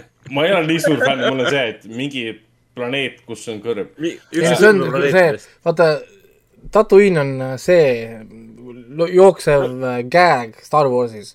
When you, when you have, mis see oli, four hundred and ninety seven established planets with different civilizations and you want to create a new story, you always and only choose Tatooine. jah, täpselt. ta alati, alati lõpetad seal kuidagi. ja, ja, ja ta läkski siis sinna planeedile, läks juba meelest ära. Naboo või? jah, Tatooine. Tatooine, ja, igatahes läks sinna planeedile ei, ei, ei, ei, vahet ei ole, vahet ei ole ta läks sinna planeedile, kus me kohtume siis seitsmekümne esimese aasta A New Hope'is esimest korda siis Luke'iga. viis ta siis väikse beebina sinna, kus siis Uncle Owen koos oma, oma siis naisega teda üles kasvatab onu, onu Owen.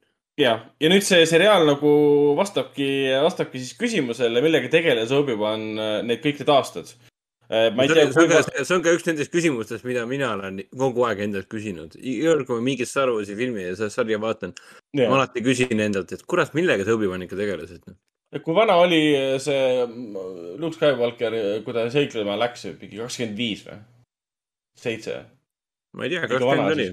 Igatahes mingi kakskümmend pluss aastat, kakskümmend viis aastat peaaegu siis Obi-Wan redutas seal, kuniks ta siis äh, Darth Vaderi poolt ära tapeti, kui ta läks Luke'iga seiklema. nüüd ongi Ah, küsimus, mis ta siis, no spoiler jah. nüüd ongi küsimus, mis ta tegi seal nii kaua ja seriaal äh, põhimõtteliselt kohe siis viskab, ma ei tea, palju me spoilerdada, spoilerdama hakkame. No ära mine täpseks lihtsalt. ma täpseks ei lähe, seriaal igatahes. sa pead rääkima ainult Premisest niikuinii, et ära. Jaa. igatahes me näeme, me näeme üksinda, üksinda elavat, elavat siis Obi-Wani, kes teebki täpselt seda, mida me arvasime. hoiab silma peal siis Luke'il, Anakini siis pojal ja mm -hmm. elab vaikselt oma elu äh, niimoodi, et ta ei tee, ei anna endast mitte mingisugust märku, et ta on Jedi, sest Jedi'ks olemine on surmaga karistatav, nende Jah. kaitsmine on surmaga karistatav. Ja uus asi on sisse toodud siin, mis käib muidugi treilerides ka läbi, et ma võin seda välja tuua, on siis need äh, mis need on, need Jedi Hunterid ja kuidas neid nimetati, need Inkvisiitorid. Inquisitorid ja Inquisitors, kes on siis need Third Sister ja Fifth Brother ja kõik need samad karakterid, kes olid siis selles Fallen Orderis ka. ja need, ma saan aru, et Star Warsi looris on need Inquisitorid ja kõik see mingi Third Sister ja Fifth Brother mõnevõrra uued asjad tegelikult. Ja see, et nad siin on nüüd Obi-Wan'i sisse toonud selle, see on noh, uudne asi tegelikult, mida ei ole vara, vanas, vanades Star Warsides kunagi ma saan olnud, aru, et see põhikrend, no see esiinkvisiitor on pärit sealt Clone Warsi sarjast. I- vist jah, ma ei ole või seda Ridder Rebelsist, igatahes üks, üks nendest ani- animasarjadest, mis jooksid, pikalt. Aga nii tore on jälle Evan McGregorit näha, ta on mm. -hmm. siin äh, natuke Jaa. vanem, miks ma ütlen natuke vanem, sest ta ei ole seitsmeteist, jah, seitsmeteist aasta jooksul väga vananenud um,. ta on väga heas vormis, ta on endiselt äh,, kõneleb nagu Obi-Wan Kenobi. kuskil käis äh, intervjuus ka läbi see oli, kui ta suu lahti tegi, see, ma vaatasin, et issand, hämmastav, kuidas ta suudab jäljendada täpselt samasugust tegelast, kelle, kelle, keda ta mängis äh, kolm filmi järjest nagu. kuskil intervjuus oli ka, et ta pidi nagu taaskord õppima, kuidas rääkida nagu Obi-Wan. ja kuna mina vaatasin kõik kolm siis prequel'it äh, Star Warsi enne ära ka, kui wow. ma siis vaatasin Obi-Wani, siis on nii tore näha seda ka, et äh, esimeses episoodis Obi- on Obi-Wan noh masendunud, depressiiv, depressioone. imelik flex, aga okei okay.. okei, ja igatahes, igatahes, igatahes, kui sa vaatad teist ja kolmandat filmi, Obi-Wan muutub seal aina nagu sassimaks, eriti kui ta Anakiniga koos on, alati Jaa. nad kommenteerivad, teevad nalja, kõige üle absoluutselt. ja, ja Obi-Wani esimeses episoodis, see ei ole üldse see Obi-Wan, et ta on sihuke rahulik, vaikne, hoiab pead all, ei anna endast märku, ei aita mitte kedagi, eirab Jedi code'i. ja siis teises episoodis juba tuleb see sassy Obi-Wan sisse kus ta Jaa. hakkab tegema neid klassikalise Obi-Wani asju ka, vaata, kus ta hoiab oma kätt kuidagi niimoodi ja see kapuuts on peas ja siis mängib oma selle vuntsiga mm,. Mm. ja vaikselt tuleb see Sassy, Sassy, Sassy Evan uuesti sisse ka. ja see on, see oli hea mõte Disney poolt, et nad kaks tükki järjest välja andsid, sest esimene oleks olnud liiga, liiga sissejuhatav nii-öelda, et nädal aega oodata seda teist osa oleks äh, natuke liiga suur piin olnud. et see oli ja esimesed kaks osa andsid väga hästi teada, kes on Obi-Wan Kenobi praegu, kõik need aastad pärast äh, vabariigi langemist ja see Jedi rüütlite surma, hävi-, hävitamist. ja, ja kelleks ta on pidanud muutuma et ellu jääda sellises ülimalt äh, türannikus diktatuuri äh, impeeriumis, kus igal sammul valitseb sind oht, põhimõtteliselt inkvisiitorid ja sõdurid jooksevad ringi ja kõik jälitavad äh, Jedi- Jedi rüütleid ja põhimõtteliselt ikka täielik, täielik tagakiusamine äh,, mitte ainult Jedi, Jedi, Jedid, Jedid, mitte ainult Jedid pole taga kiusatud, vaid ka kõik on. nagu me teame juba tulevastes episoodides ka ju, et äh, kõik, kes elasid impeeriumi all, ikkagi ägasid päris korralikult, eriti mis puudutas neid äh, kauge, kauge galaktika ääre, äärealade elanikke nii-öelda. jah, jah.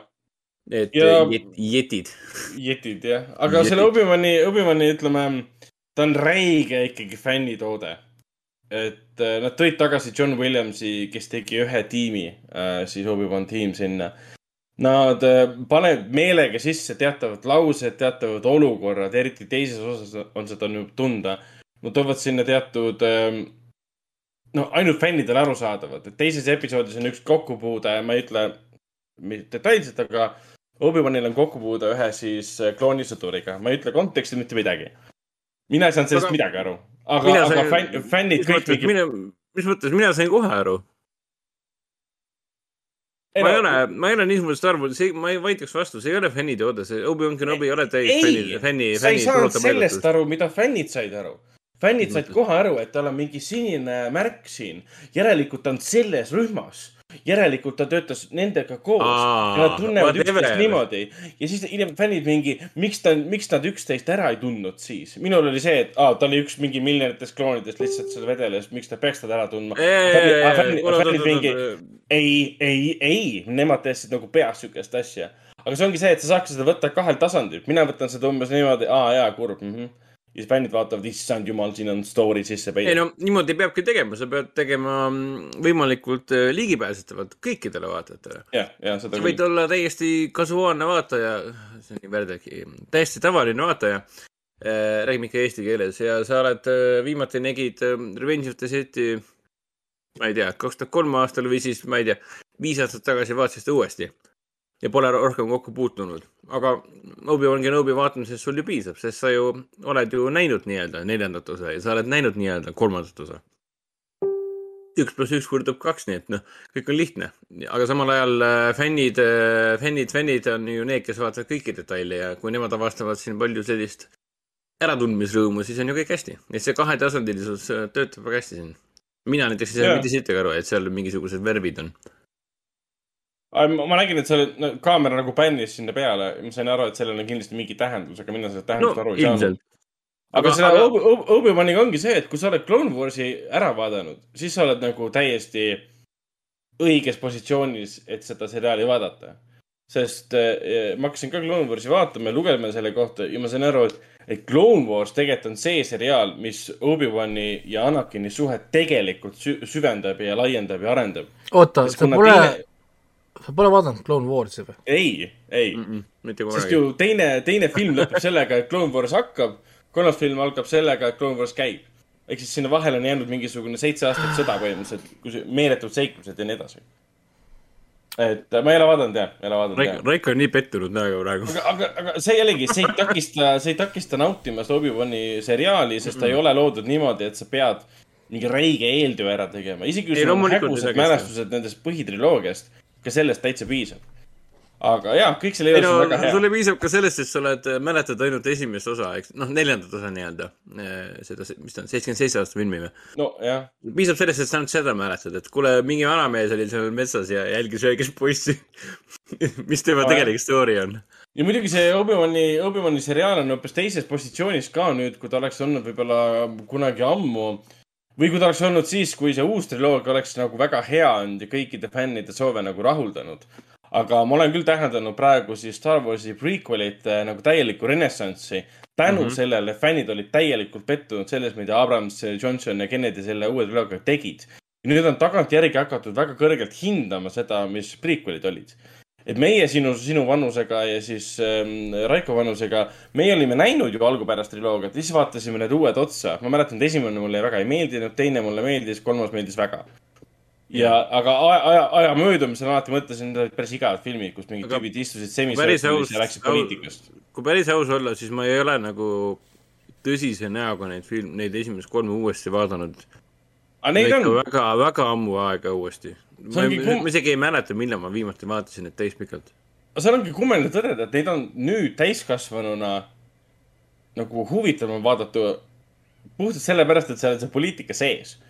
just nagu kaasa mõelda, et kui ma olin mingi üheteistaastane ja vaatasin seda, mul oli jumala ük, täiesti ükskõik sellest poliitikast, mingi Trade Federation, Taxation Violation või mingi um,. kus lightsaber duell, duellid on? ja nüüd ma vaatan mingi, aa jaa, poliitika, Ukraina ja kõik see mm.. kus on, kus Natalja Portman on? jah, ta, kus Keira Knightley on. ja, ja oh,, ja, ja, ja igatahes, igatahes siin tuleb ilmselt palju asju ja nagu AVP ütles ka, et ilmselt tuleb siin hello there sisse. ja võib-olla keegi ütleb, et ma ei tea, this is where the fun begins ja kõik siuksed asjad mis on nende lõpetuseni ära. peaks küll olema, sorry, kui nad, kui nad, kui nad tegid No Way Home'is, et uh, I am sci-, I am something of the scientist myself, siis yeah, uh, yeah. siis uh, Genobi seriaalis peaks küll olema Hello there yeah., General Genobi või ma ei tea kindlasti, kindlasti, kindlasti et, et midagi, midagi nagu peaks nagu noh, nagu ikkagi oota, kas see, kas Grievous sai surma või?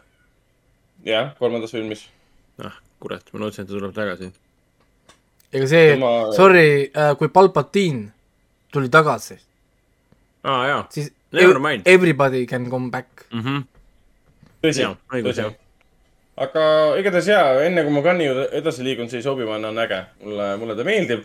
eriti mulle meeldib see, et ega Evan ja siis Hayden Christensen, kes mõlemad siis on tagasi, ei olegi seitsmeteist aasta jooksul üheski Star Warsi projektist nagu osa võtnud ei kuskil Clone Warsis, mängudes mitte kuskil, välja arvatud mingi hääle andmine kuskil. häält nad andsid küll ju, ta andis Lego, Lego, Legos andis ju ka häält.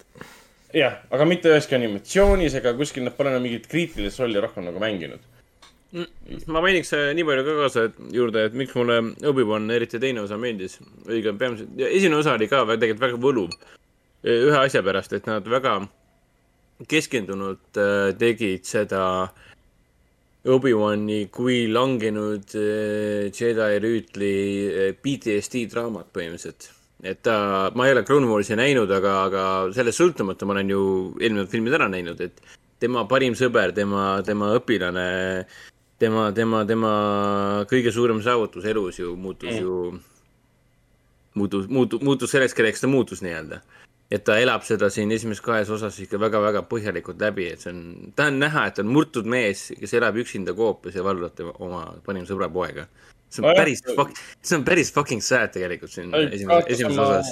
sõbra, ta kaotas kogu, no kaotas oma riigi, ta kaotas kõik oma kamraadid, kaotas Jedi. no jah, et siin, siin esimeses osas on jah see stseen, kus ta ärkab äh, luupaine peale keset ööd üles oma väikses koopas vaat-, vaatab ümberringi ja siis ta püüab äh, force ghost ida Qui-Goni, hüüab teda, et palun tule mulle appi, et mul on su abi vaja, aga keegi ei vasta talle. ta, ta võiks force, force call'ida Jar Jar Binksi, kurat, tuleks vägev no fännide suurim teooria praegu on ju see, et Jar Jar Binks on tegelikult see ultimate äh, dark lord, Sith lord, kes on kogu selle asja taga olnud mille? impeeriumi tõusu taga? jaa, sellest on mingi kahe, kahe pool, kahepooline Youtube'i video, mis seda teooriat tõestab. jah fännid on seda aastaid süvendanud, et see Jar Jar Binks tegelikult mängis, et ta on mingisugune debiilik.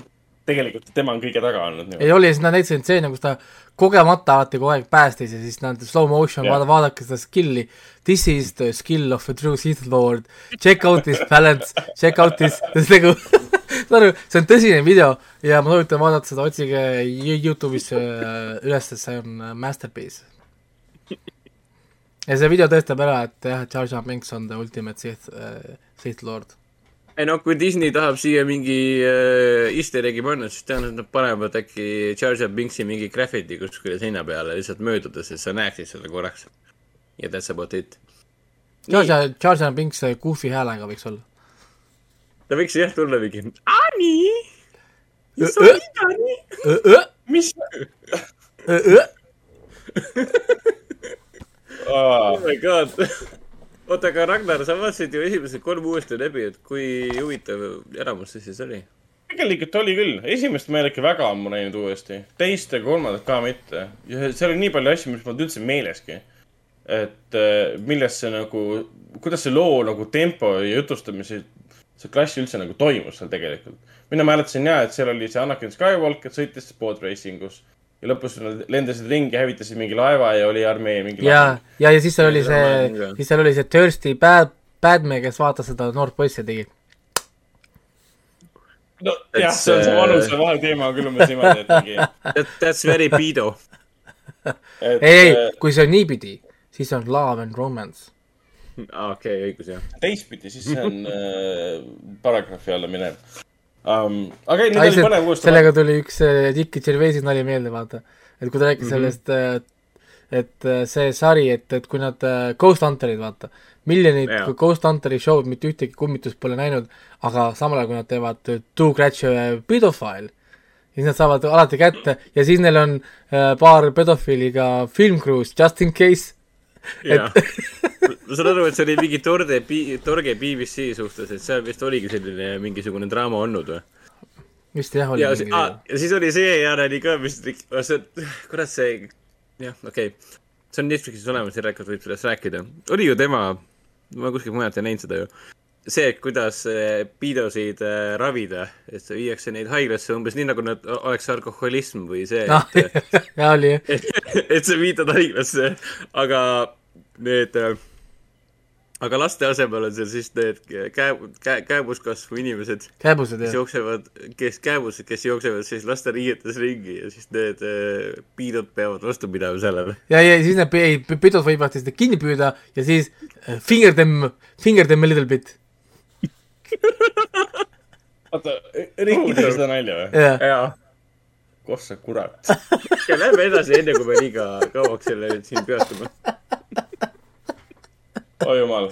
ja see on Netflix üleval nagu. me ei vaadanud seda kuskilt, ma ei tea, mis tarkveebist. see on jah, tal on ikka, tal on hea, hea, head naljad, ma räägin, see on, see on, see on hea spetsial. on, väga hea. vaataks isegi uuesti. seda me võime No vaadata okay., vaadata siin kõik koos suurelt, suurelt ekraanilt jälle. jaa, teeme laivi ülekande. paneme praegu kohe tööle um,. ma räägin siis natuke Cannes'i filmidest, et äh, Cannes'is ma vaatasin ära siis kakskümmend kaks äh, filmi. Nendest siis nii-öelda võistlusprogrammides oli kokku siin üks film Uh, kaks no nii., kolm film, neli film, hakkame listi tegema siis. viies film, siin ikka oli, et kahekümne kahest filmist mingisugune kümme oli ainult võistlusprogrammis, ma lihtsalt kõigele nagu ligi ei, ei pääsenud. siin vahepeal jagati Cannes'i äh, siis äh, auhinnad ka ära, mis mina, mina muidugi neid äh, põhiauhinna võitjaid ei näinud, sest neid polnud äh, online äh, selles Cannes'is olemas. Ruben Östlund sai siis Palm d'Ori, tema see Root sai siis eelmine kord, mis oli viis aastat tagasi Palm d'Ori. ja Triangle of Sadness on siis filmi nimi, tuleb siis sügisel placeholder oli praegu vist septembris äh, ikka kinodesse. ja siin äh, meie lemmik Park Chan-wook võitis siis äh, Decision to Leave ees siis parima režissööri auhinna äge. te. tegemist on siis Oldboy ja Sympathy for Mis-, oota, Mrs Vengeance või Mr Vengeance, Mr Vengeance režissöör, Vengeance. Stokeri režissöör ja, ja siin väga paljude muude ägedate filmide Korea režissöör siis. Ja igasuguseid muid auhindu- oli ka, et ah, Gun Ho Song, meie lemmik sai siis äh, Koreda siis Brokeri ees sai, või oli- Koreda? ei, ma olen segane. Koreda jah, Koreda jah, Koreda Brokeri eest sai siis äh, parima näitleja auhinna. ja mis siin veel oli äh,, aa, Grand Prix läks siis Claire Denis, Stars at Noon ja Lucas Stonilt äh, Close'i eest jagamisele. Close pidi räigelt hea olema, seda ma kaks, kuulsin. kaks filmi jah? kaks filmi, jah. Seda on päris tihti, kaks filmi saab ühe auhinna, sest ta on nagu võrdne, tai nii-öelda. ja siin Dardennid said jälle mingid auhinnad äh, ja siis Holy Spider äh, sai selle kõva auhinna, see, mis oli mingi äh, Iraanis leiab aset vist lugu Araabia sarimõrvarist, kes tapab siis äh, prostituute või midagi laadset mm.. ja, aga siis on teised auhinnad, no filmid otseselt midagi rohkem ei ütlegi. no tegelikult ütlevad küll, The Eight Mountains sai siis žürii prize'i, mis on siis lihtsalt žürii eriauhind. Kus üks reisijal on see Felix van Kronigen, kes tegi selle The Broken Circle Breakdown, mis oli väga äge. ai, see oli, vaata, vaata, vaata nüüd seda filmi, kui sa oled papa, Hendriki kuule, ma nutsin juba siis hinnad peast välja, kui ma ei olnud papa selle filmi vaadates ja teise, teise žürii auhinna sai siis Jersey Skolimovski uus film Io ah., mis on, ehk siis Iah ja see räägib eeslist ja eesli elust äh, inimeste keskel mis pidi väga-väga võimas film olema. Ja okay. igatahes jah, aga mina. mis mina... Skolimovski, see on see, kes Cold War'i tegi või? Cold War ja mis see oli, see Ida ja? ei, see oli Pavel, ma olen segamini, see oli Pavel, sest ma mm.. oota, Jerzy on see, kes, eh, kurat küll. ma kohe ütlen sulle, kes Jerzy oli. Io. Äh, see oli Pavel äh, Pavlikovski, kes tegi ähm, selle, selle, sina mõtled nüüd seda teist, et tema on teinud, tema tegi Essential Killing'u näiteks, mis Aa, meile väga meeldis. see oli äge film, see oli väga ja. äge film. jah, tema on see reisijal, et ära aja poolakaid segamini. okei okay., Skolimovskid ja Pavlikovski. jah, igatahes äh, räägime filmidest, mis ma vaatasin. Äh, esimene film, mis ma vaatasin, oli prantsuse film nimega Big Kids. ma olen ta punaselt ära märkinud. Äh, mulle tegelikult meeldis. Põhimõtteliselt oli ta film siis vanadekodus, hooldekodus ja räägibki hooldekodu töötajate siis suhe, suhetest nende siis hooldusalustega. hooldusalused, kes on siis vanad, vanemad mehed ja naised, kellel noh, keegi, keegi enam külas, nad on maha jäetud sinna. Nad on töötajad on moodustanud sinna nagu siukse perekonna nende keskele. seal üks töötaja on sihuke põhivend, hästi habemik hästi siukene kiire, kiire taibuga, kiire loomuga ja keevaline vend, aga tegelikult on väga armastav vend, mis puudutab siis neid ähm, hooldealuseid. ja siukene kurblik lugu selle koha pealt, et ühelt poolt on nagu hooldekodu töötajatest ja nende omavahelisest suhetes, kuidas nad tööle vastu peavad pingetele, mis seal on, töötajaid on alati vähe, palka on alati vähe. Ja teiselt poolt on nendest hooldealustest, kes on siis üksi seal, nad hakkavad, sõbrunevad seal kohalike lastega, kes käivad siis kooligruppides, gruppidena justkui siis nende vanainimeste juures, et nendega aega veeta lihtsalt ja, ja justkui seal tekib see õpetlik moment sisse, et nad õpivad vanematelt inimestelt nii mõndagi elu kohta, kuigi nad arvavad, et neilt nagu midagi õppida ei ole, siis hakkavad nendega igapäevaselt seal mängima. sellel on ka varjukülg, sest üks põhitegelane, hästi tore vanamees, tal on mingi haruldane dementsuse vorm peale tulemas, üks poiss, probleemne poiss, kellega ta siis sõbrunes, temaga läheb nagu tülli. Aga tüll seisneb ainult selles, et äh, vanem härrasmees ise ei saa enam midagi aru ja, ja läheb, muutub agressiivseks temaga ja nimetab teda vale nimega ja nii edasi. ja pärast üritab lapsele selgitada, et sina polnud milleski süüdi, vaid lihtsalt see, nii juhtub meil kõigiga võib-olla kauges, kauges, kauges tulevikus ja lõpuks ta lõpeb väga kurvalt selle koha pealt, seal mingid põhi, põhivanad siis nagu surevad ära ja jäävadki üksi. üks vana siis ühel hetkel lihtsalt otsustab, et äh, see põhivana siis, et, äh, et kuna tal on ränge, range, ränge nagu dementsus tulemas ja tema siis no, kaasa, kes seal vanadekodus oli, ära suri. et tema siis äh, lõpetab ka oma elu ja see on ikka räigelt kurb. kus see põhiline hooldaja siis hästi-hästi lõbus vend kogu aeg on täiesti murtud sellest, et et tema hooldealune võttis siis tema nagu valve all siis äh, võttis endalt elu. ja ta, eks ta ongi see mitme põlvkonna lugu selle koha pealt, sul on lapsed, sul on äh, hooldust vajavad vanad inimesed ja siis need keskealised seal keskel, kes siis nende eest nagu hoolitsevad. eks ta näitab seda ühte nagu ühiskonnakihti ja ta näitab seda väga eluliselt ja ilusalt ja traagiliselt ja jubedalt ja ilus film. ütleme, ta on nendest prantsuse filmidest, mis olid nagu mitte põhivõistlusprogrammis, aga nendes, nendes Uncertain Regard programmides, see meeldis mulle oluliselt rohkem kui nii mõnigi teine, mis oli selles Critics Weeksis, Directors Fortnightis ja Uncertain Regardis, mis ongi kummaline, et justkui online'i oli pandud nendest võistlusprogrammidest filmid, mis ei olnud nagu kõige paremad, aga samal ajal olid siis need online premierid, mis on lihtsalt turupremierid, olid väga head siis oli, vaatasin Prantsuse dokumentaalfilmi Metamorphoosis, mis tegelikult äh, väidetavalt pidi olema kolm tundi pikk. panen filmi siis screener'i peale ja see kestis tund, tund kolmkümmend. ma ei tea, kust see info tuli. võib-olla see oli mingi poolik cut ja mulle tunduski, et see oligi poolik versioon äh,, sest ta on dokumentaalfilm putukatest, putukate elu lihtsalt ja, ja ilusad kaadrid loomadest ja nii edasi. aga selle filmiga oli midagi viga äh, selle koha pealt, et peale loetud tekst oli vist naise hääl oli masintõlge.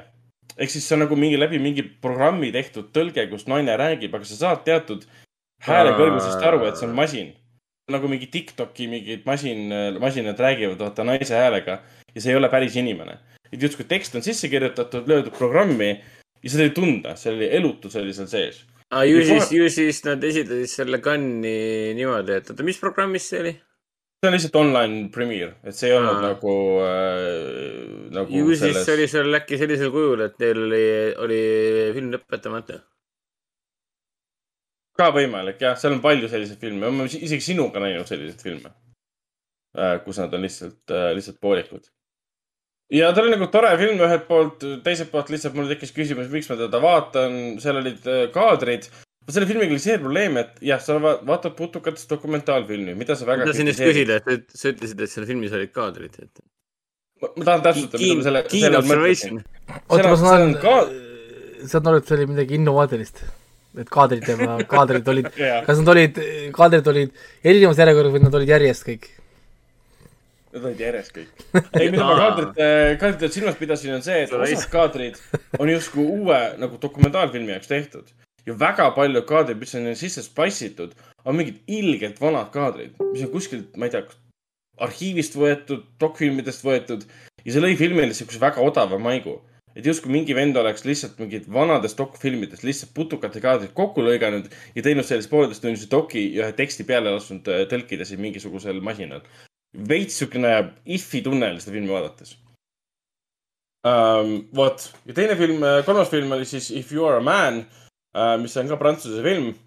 Äh, see oli siis dokumentaalfilm Burkina Fasos siis Brecoa kulla, kulla siis selles kaevanduses, kus siis kolmeteistaastane Opio ja tema siis kaastöölised, kes on ka kolmeteistaastased, neljateistaastased, iga päev siis, iga, iga nädal, iga kuu siis töötavad sellises tolmuses, mudases, mulda täis, ilmselgelt eluohtlikus kullakaevanduses, et natukenegi raha teenida ähm, väga masendav selles mõttes väga,, väga-väga masendav, et lihtsalt milli-, millist elu elavad mingid lapsed kuskil. Nii. nii, mis sa jäid kuulama? Heli... Ah. telefon hakkas helisema. et, et see on selles mõttes väga hea ülevaade sellest, et millega meie oleme harjunud versus millega on Burkina Fasos noored inimesed harjunud. Neil on valida, kas nad lähevad kooli aga nad ei saa tegelikult seda valida, sest koolitasud on väga kõrged. okei okay,, nad lähevad kullakaevandusse tööle. Nad teenivad nii minimaalset summat, et selle aja peale, kui nad on mingid kahekümne viie aastased ja raha koos on, nad ei saa enam kooli minna, sest neile öeldakse, et nad on liiga vanad lihtsalt. Või siis see raha kulub mingi muudel põhjustel ära, seal on ka välja toodud, et noh, õnnetused juhtuvad, inimesed kukuvad sinna äh, kaevandusse. Ja kaevandus ise on ka nagu umbes selline, et lihtsalt on auk, mis on põhimõtteliselt nagu kaev. Tüüp ilma ühegi kaitsevarustuseta, tal on mingi väike kiivrilaad, mis on kalts põhimõtteliselt peas, kuhu on siis suvaline taskulamp külge kleebitud, läheb siis sinna põhja ja kaevandab vaikselt. Ja seda vahepeal õhatakse ka.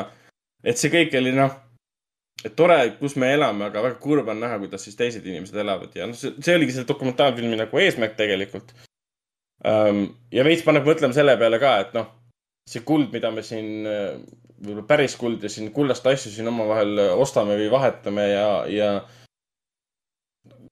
selle koha pealt paneb mõtlema. et enne kui sa lähed mingit kullast sõrmust ostma, võiks nagu uurida, kes see ettevõte on ja kas ta kasutab selleks mingi kolmeteistaastased Burkina Faso noorukeid, kes saavad eluaegset kopsukahjustused sellest, et nad kuskil kaevanduses sulle kulda tarivad, et kas sul on seda mingit kullast sõrmust tegelikult vaja või noh. et see natuke paneb mõtlema selle peale küll, jah. vot järgmine film oli siis ah,, Wolves of War. seda ma vaatasin lihtsalt nalja pärast. mingit professionaalset huvi selle filmi vastu mul tegelikult ei olnud. see oli nüüd siis, mis ta oli uh,, UK film, lihtsalt täiesti basic, ülim, ülim basic sõjafilm. Kuidas siis mingi, täpselt algab nagu see Overlord põhimõtteliselt, lennuk lendab sinna Normandia suunas ja siis uh, meeskond hüppab sealt alla, sellepärast et uh, lennuk lastakse alla ja nii edasi. ja siis nende eesmärk on leida üles mingi doktor, mingisugune teadlane, kes siis äh, põhimõtteliselt on tegemas esimest äh, tuumapommi, enne kui siis päriselt äh, tuumapomm valmis tehti. niisugune veits alternatiivajalooline. et mingi, mingi teadlane, Briti teadlane on ära röövitud siis natside poolt ja siis natsid tahavad teda kasutada, et siis teha esimest tuumapommi, enne kui üldse ameeriklased hakkasid seda ise tegema ja veel katsetama äh,. hästi tavaline, dramaatiline, selline tund kakskümmend seitse pikk äh, Briti sõjafilm. ta nägi okei okay välja, näitlejad mängisid okeilt. hästi palju selliseid äh, moraalseid dilemmasid oli sisse pandud. nagu ikka selliste filmide puhul, suured aegluubis ohverduskaadrid, ohverdusstseenid, kus keegi viskab granaadi ja palub teistel lahkuda ja siis ta ohverdab ennast ja nii edasi. Need on ju minu lemmikfilmid. no vot jah aga lihtsalt ma ootasin kogu selle filmi, et lihtsalt ühel hetkel tuleks mingi koll kuskilt välja või mingi üleloomulik element, seda ei tulnud muidugi. millal need zombid tulevad? millal need zombid tulevad, millal see Wolfenstein, Wolfenstein nagu, Return to Castle Wolfenstein sisse lööb, et äh, seda nagu ei olnud. ma ootasin kogu aeg mingi tuumimuusika algust, aga ei olnud. aga lihtsalt äh, jaa, okei okay film, mis ilmselt kuskil VOD-sse jõuab ja, ja inimesed siis vaatavad natukene, unustavad kiiresti ära uh,. Ah, mis mulle meeldis tegelikult oli, noh, kaudselt tegelikult meeldis, olgem ausad, oli see Ukraina-Türgi film äh, Klondike. Klondike või kuidas sa selle kohta ütled, äh, mis leidis, äh, leidis aset siis kahe, kaks tuhat neliteist Donbassis. siis, kui need rohelised mehikesed, kes kindlasti kohe üldse ei olnud ähm, Vene sõdurid, olid siis tulnud Donbassi sisse ja seal on üks, üks paarike elab seal, kus siis naine on lapseootel viimaste, viimaste nädalate juures isegi ja see paarike, paarikese elu siis kogu aeg teeb kibedaks see, et nende autod, nende lehma tahetakse, kelle poolt siis? Äh, nende samade, samade separatistide siis jõudude poolt.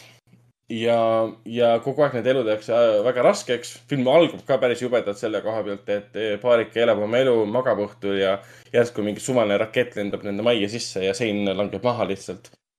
ja selle filmi suurim miinus pigem oli vist see, et tal ei olnud konkreetset lugu. peale selle, et millised on nende juhtumised se nende separatistidega, nende Donbassi vägedega seal.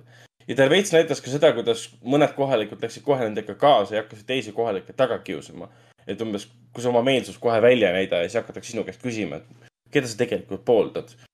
et peategelase paarike, nemad ikkagi vaatasid Ukraina uudiseid, said teada, mis päriselt maailmas toimub, sest see info, mis neile tuli koha peal ähm,.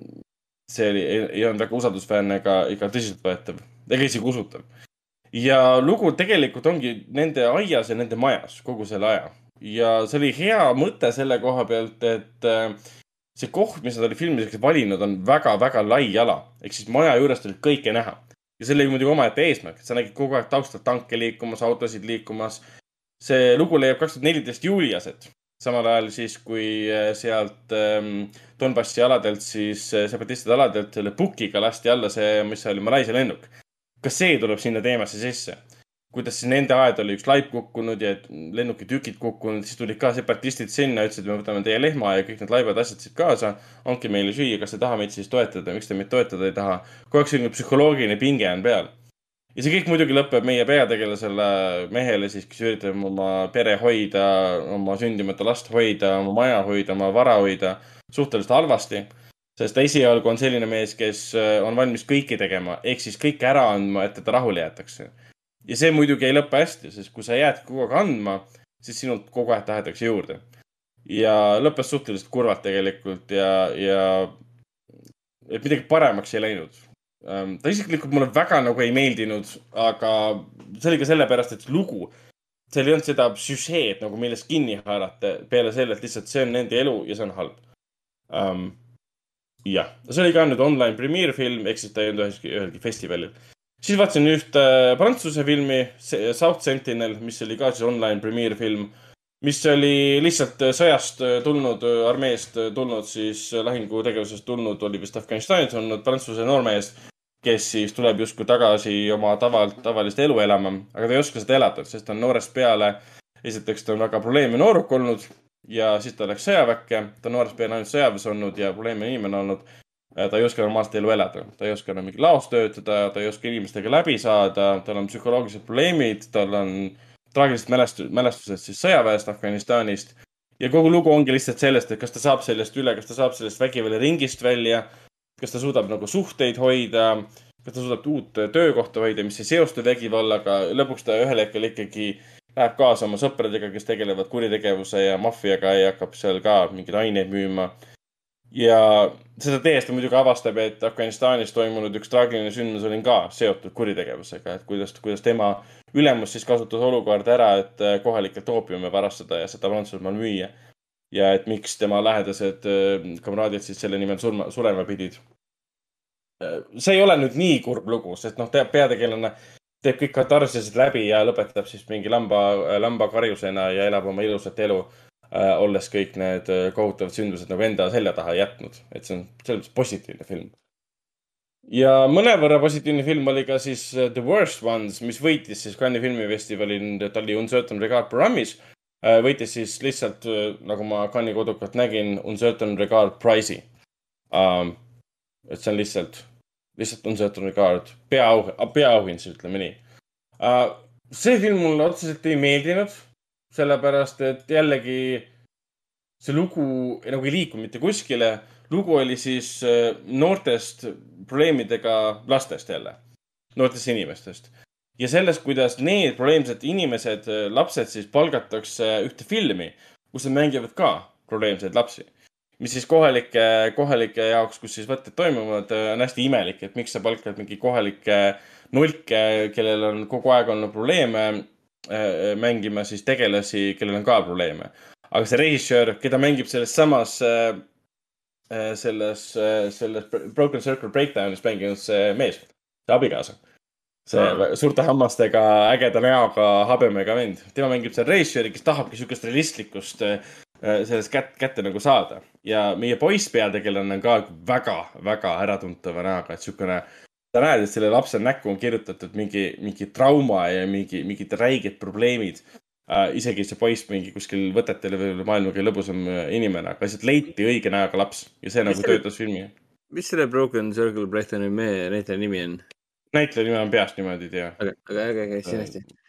jätka palun, sul on päris, päris palju filmi minna ja meil on äh.... ja, ja ma, osad, osad lähevad hästi kiiresti. okei okay., sest ja... sa pead andma aega ka, et Top Gun Maverickust rääkida.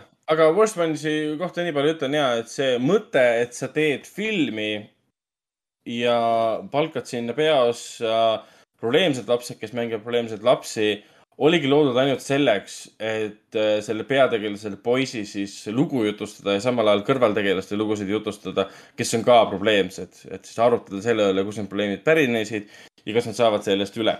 samal ajal see filmi tegemise tasand oli ka päris põnev, sellepärast et see režissöör oli selline veits tundus kahtlane vend justkui ta sundis neid lapsi võtetel teatud olukordadesse, et suruda neilt nagu reaalseid emotsioone välja, mis äh, omakorda siis lapsed ju enda, endale võib-olla adumata lähtusid mingitest enda probleemidest, et tuua neid kaadris nagu esile ja, ja, ja need tihtipeale lõppesid vägivallaga. mida siis reisijal oli väga rahul, et jess, filmige seda vägivalda, siis mingi pommimees on kõrval mingi um,. Nad päriselt peksavad üksteisel hambaid välja. Kas me peaksime sekkuma? Nad ühel hetkel nagu sekkusid um,. et selline Cinema Verite mõnes mõttes või selline, selline Dogma üheksakümmend viis käis sealt läbi uh,. jällegi looga oli probleem filmiga, lihtsalt see lugu ei olnud otseselt lugu, lihtsalt sündmused olid järjest, nad polnud omavahel väga seotud. ma ei tea, kas see oligi filmi mõte, lihtsalt see, see ei töötanud minu jaoks, siin ei olnud nagu sellist läbivat liini ka. Lihtsalt tegelased ühel said kokku, räägivad, midagi juhtub, vägivald ja kogu aeg, kogu aeg niimoodi edasi, edasi, edasi ja lõppes mõnevõrra siis jällegi nagu hästi. Äh, Magdala, prantsuse film, üldse ei soovita vaadata, täielik tripp-film, eelmisel aastal, eelmisel korral ma rääkisin sellest ka.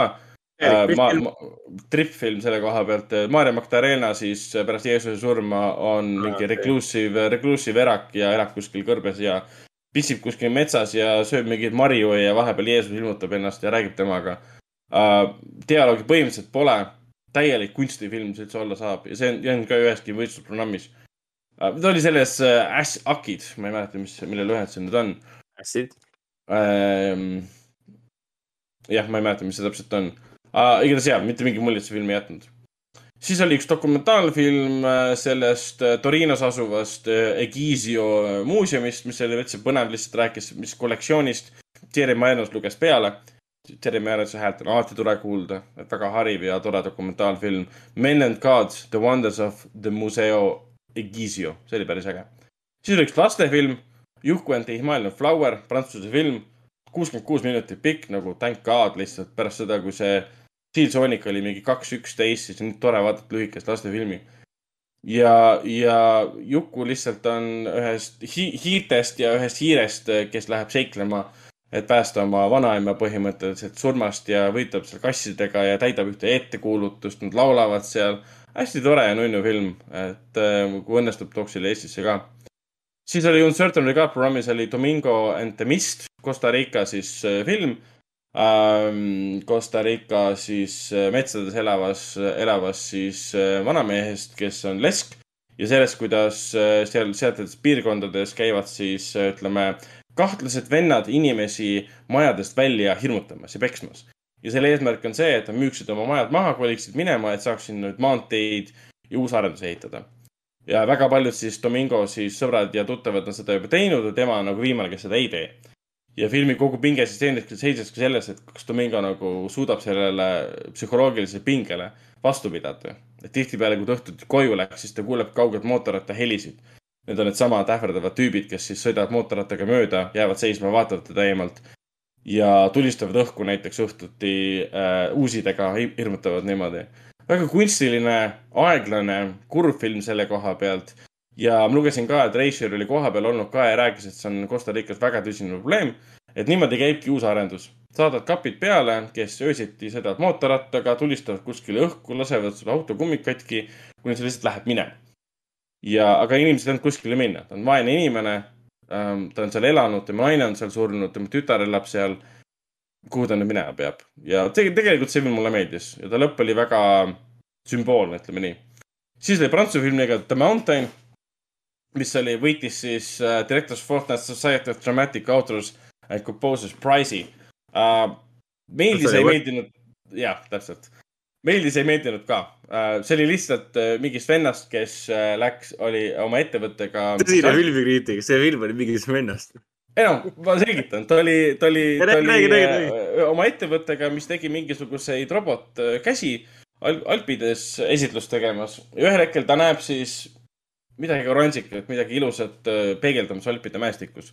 ja pärast seda ta otsustab, et ta ei lähe tagasi koju, saadab oma meeskonnakaaslased siis koju ära ja võtab siis, võtab siis telgi ja kõik alpinismiks vajalikud, mägironimiseks vajalikud vahendid kaasa, tal on mingi kogemus olemas ja läheb ronima mägedesse. ja sellest kogu film ongi, ta umbes mingi tund nelikümmend viis lihtsalt ronib. Tutvub selle vahepeal ühe naisega pooljuhuslikult, neil tekib sihuke väike suhe, poolsõbralik lihtsalt. kohtub tema siis pojaga ka, aga tal on räige obsessioon, iga kord, kui ta ära läheb, ta tahab kohe tagasi minna ja ronib teatud kohtadesse ja näeb ka igal pool mingit oranži, oranži täppi. ja tihtipeale siin ei ole dialoogi, see on lihtsalt tema ronimine, seekord ta ütleb tere kaasronijatele ja nii edasi. kõik on hästi ilus noh, mäed on ilusad ja nii edasi. ja ühel hetkel siis tuleb see, kuna filmi žanriks on pandud sci-fi, äh, siis tuleb see viimase mingi viieteist minuti või kahekümne minuti jooksul tuleb siis sci-fi element sisse, mis mul tekitas kohe küsimuse, et okei okay,, sci-fi ei käi niimoodi. sa ei saa mulle esitada tund kolmkümmend puhast draamat mingi keskealise mehe eksistentsiaalsest kriisist, kus ta mõistab, et see ei ole see hetk, mis ta teeb oma töös ja elus, ei ole see, mis ta teha tahab ja siis panna sinna lõppu ulmeline, üks ulmeline element ja öelda, et see on nüüd ulmefilm, see, jah.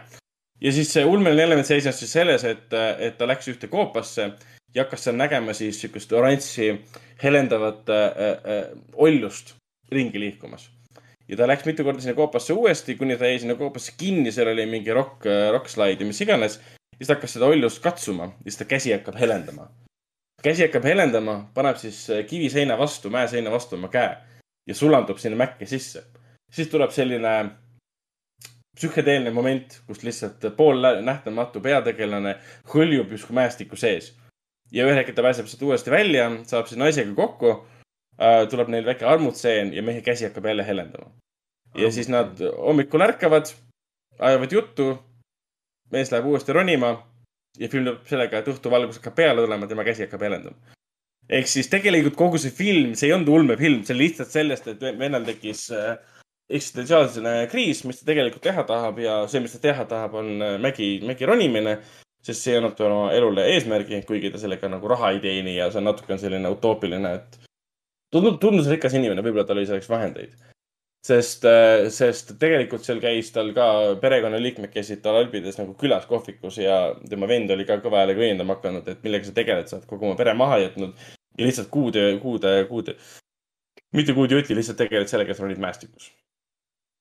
Et see on tagantjärgi täitsa põnev film, et peaks uue võimaluse andma, aga natuke tundus, oli lihtsalt igav, et kaua ma neid mägesid ikka vaatan ja mingi venna ronimist um,. siis oli uh, Uncertain Regard Best Director Prize'i võitnud Metronome, mis mulle tegelikult väga meeldis. ta algas umbes niimoodi, et mida ma nüüd vaatan, aga ühel hetkel ta muutus täiesti.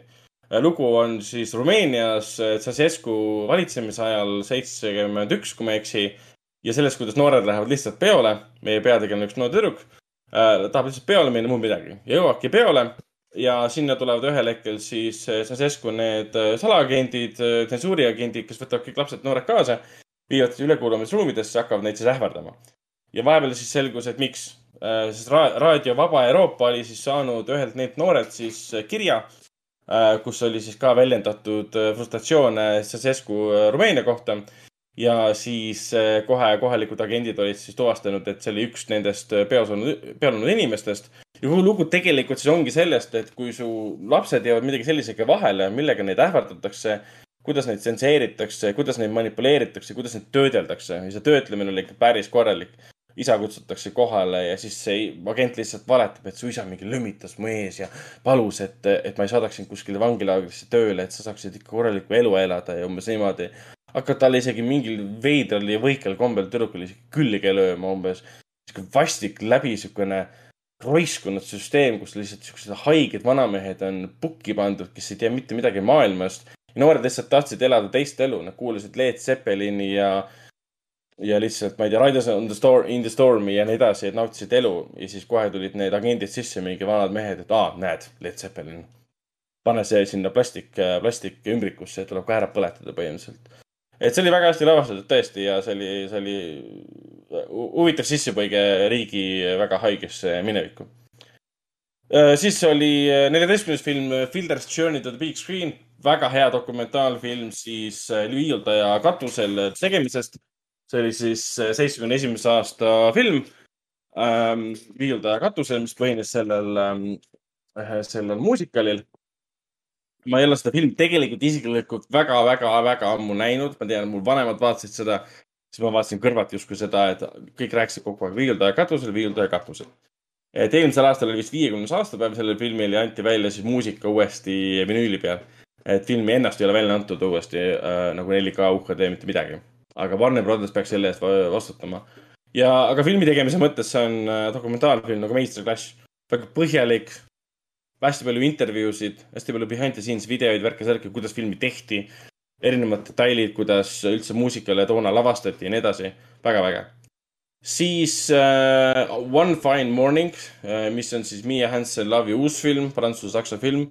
Miia Hansen Love oli see, kes tegi siis Bergmani saare siin äh, Vicky Crispe ja siis äh, Tim, Tim Rottiga, mis oli ka Artises ja Sõpruses ja teistes kinodes Ähm, see on siis nüüd ähm, Lea Seydoux uus film. Lea Seydoux on siis meie armastatud äh, Bondi tüdruk ja, ja kõikides teistes prantsuse filmides tuntud ka. Blue is the Aa. warmest color.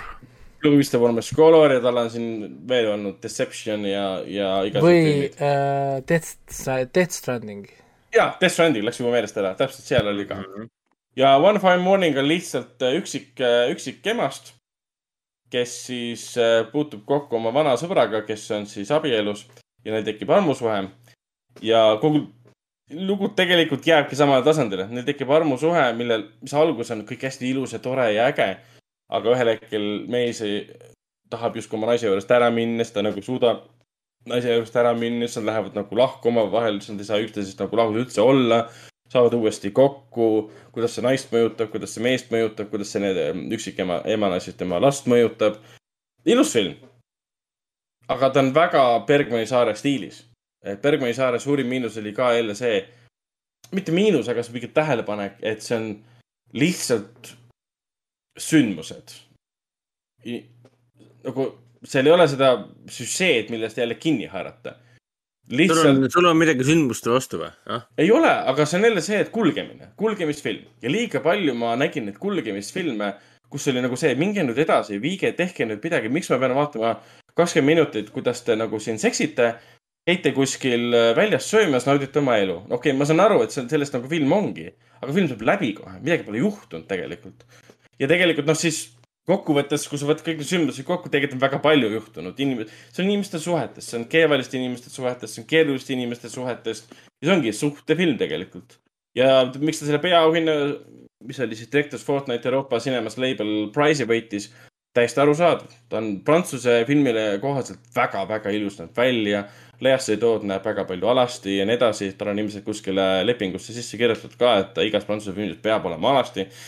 Äh, mille vastu mul isiklikult ei ole otseselt midagi muidugi, aga, aga jällegi ei olnud väga meeldejääv film, meeldejäävad rollisooritused küll, aga looliselt kuidagi voolas minust mööda.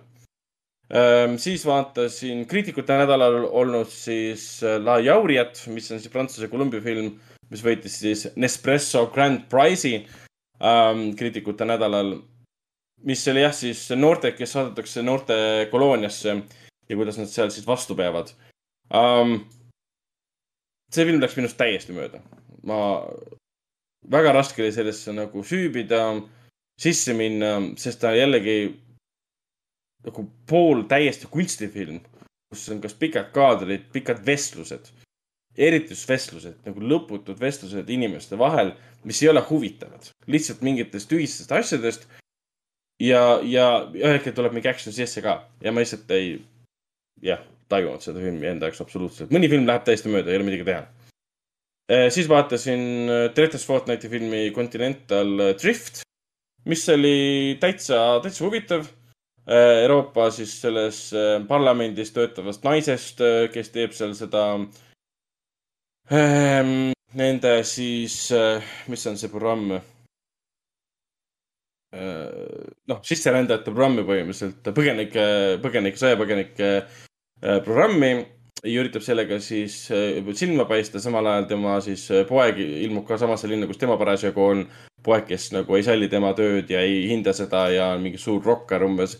ja see ongi siis nendevahelises suhtes, nad on sunnitud, sunnitud siis koos teele asuma ja see ongi isa, see on siis äh, poja ja ema siis sellisest äh, üksteise mõistmisest, mõist-, jah, õpivad üksteist mõistma, üksteisest nagu aru saama, kes need inimesed on ja läbi saama. Täitsa okei okay film, jällegi klassikaline prantsuse film, kaadrid on funktsionaalsed, praktilised, pilt näeb välja funktsionaalne, praktiline. Äh, põhirõhk on tegelaste, tegelaste näit-, näitlejate siis nagu näitlejatöödel isegi mitte dialoogil, sest see jällegi, ta ei säranud otseselt mitte millegi konkreetse poolest, et mõnikord sa vaatad mõnda draamat ja mõtled, püha jumal, see on äge. selle filmi puhul jällegi jäi korduma see One Fine Morning'u teema, et nagu ta lihtsalt kuidagi kulges uh,. päris põnev film oli, aga seda ainult ühe aspekti poolest oli De Humani Corpo, Corporis Fabrica, mis oli ka siis Directors Fortnite'ist, mis oli lihtsalt kahetunnine dokumentaalfilm äh, inimanatoomiast, äh, samal ajal kui tuua, viiakse läbi kirurgilisi operatsioone. Äh, me lihtsalt näeme kaks tundi, alguses on väike sihuke narratsioon ka, mis otseselt ei, ei juhata midagi kuidagi sisse. Me näeme lihtsalt silmaoperatsioone ülima, ülima detailse kaameraga, mis näitab hästi lähedalt seda. on see mingi GoPro, mis on sulle lükatud kõhuõõnsustesse ja me näeme seestpoolt, kuidas näpitseda skalpellid lõikavad inimnahka, mingeid soolikaid ja värke lõigatakse ja liigutatakse, kaamera on seal samas juures. hästi palju liha ja verd, me näeme, kuidas sul mingi, mis on puusaluu juures, mingit äh, konti haamriga lüüakse näiteks ja kõik on kaamerast lähedal. seal ei ole teksti, seal ei ole selgitavat teksti, mida me näeme, miks me seda näeme, mis operatsiooni tehakse.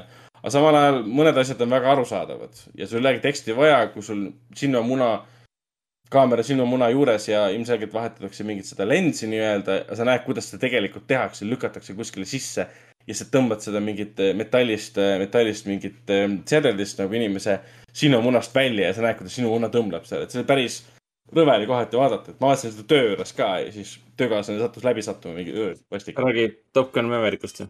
jah äh,, täpselt nii uh,. De Humani Corporis Fabrica uh,. Ke, ke, uh, ki-, ki-, ki-, kirurgia dokumentaalfilm, ütleme nii. Äh, kaks tundi lähikaadrit sellest, kuidas tehakse inimeste peal siis äh, äh, operatsioone äh,. täitsa, täitsa, täitsa põnev. siis vaatasin My Broken Mariko, mis oli siis äh, prantsuse draama. Prantsuse jah. Ähm,, Jaapani draama, ma puhtalt sellepärast vaatasin, täitsa hea film. Äh, sellest, kuidas ähm, üks tüdruk siis äh, on kohvikus ja kuuleb, et tema parim sõbranna on enesetapu teinud. Äh, mis tegelikult, noh, ma ei hakka midagi ütlema, on enesetapu teinud ja siis ta läheb siis teekonnale tema matustele tema matmisele ja kõigele sellele. ja siis film koosnebki siis tagasivaadetest tema ja siis sõbranna eludele. Ähm, et noh, sõbranna koges äh, koduvägivalda ja vanemate all psühholoogilist vägivalda ja kõike seda, kuidas tema oli tema kõrval, kui see kõik juhtus um,. ilus kena draama sellest, kuidas inimene on kaotanud oma parima sõbranna, parima inimese tema elus ja siis vaatab tagasi kõigele sellele ja üritab mõista, et miks ta ennast ära tappis. vot, ja siis Mätan Sadako viimaseks äh, vaatasin mingi väga-väga veidrat äh, äh, äh, animatsiooni Welcome to äh, Schwerikirchen, mis põhineb mingisugusel äh, äh, originaal äh, äh, mingisugusel... ütle seda, seda palun õigesti. Siegheilkirchen. jaa, Siegheilkirchen, täpselt, jah. oota, mis sa püüdsid varjata või, mis see tegelikult seal on või? äh,. ei, ma lihtsalt lugesin seda nii, nagu ma räägin. aga jah, Sieg Heil Kirchen põhimõtteliselt. siin on kirjas, et see on Welcome to Sieg Heil Kirchen. What the actual fuck nagu jah. Kirchen on kirik või? jah Kirkland kirik. pea, pea, peategelase nimi on Snotty Boy näiteks ja kui te vaatate pilte sellest filmist, püha jumal, mis animatsioon, see oli päris vastik uh,.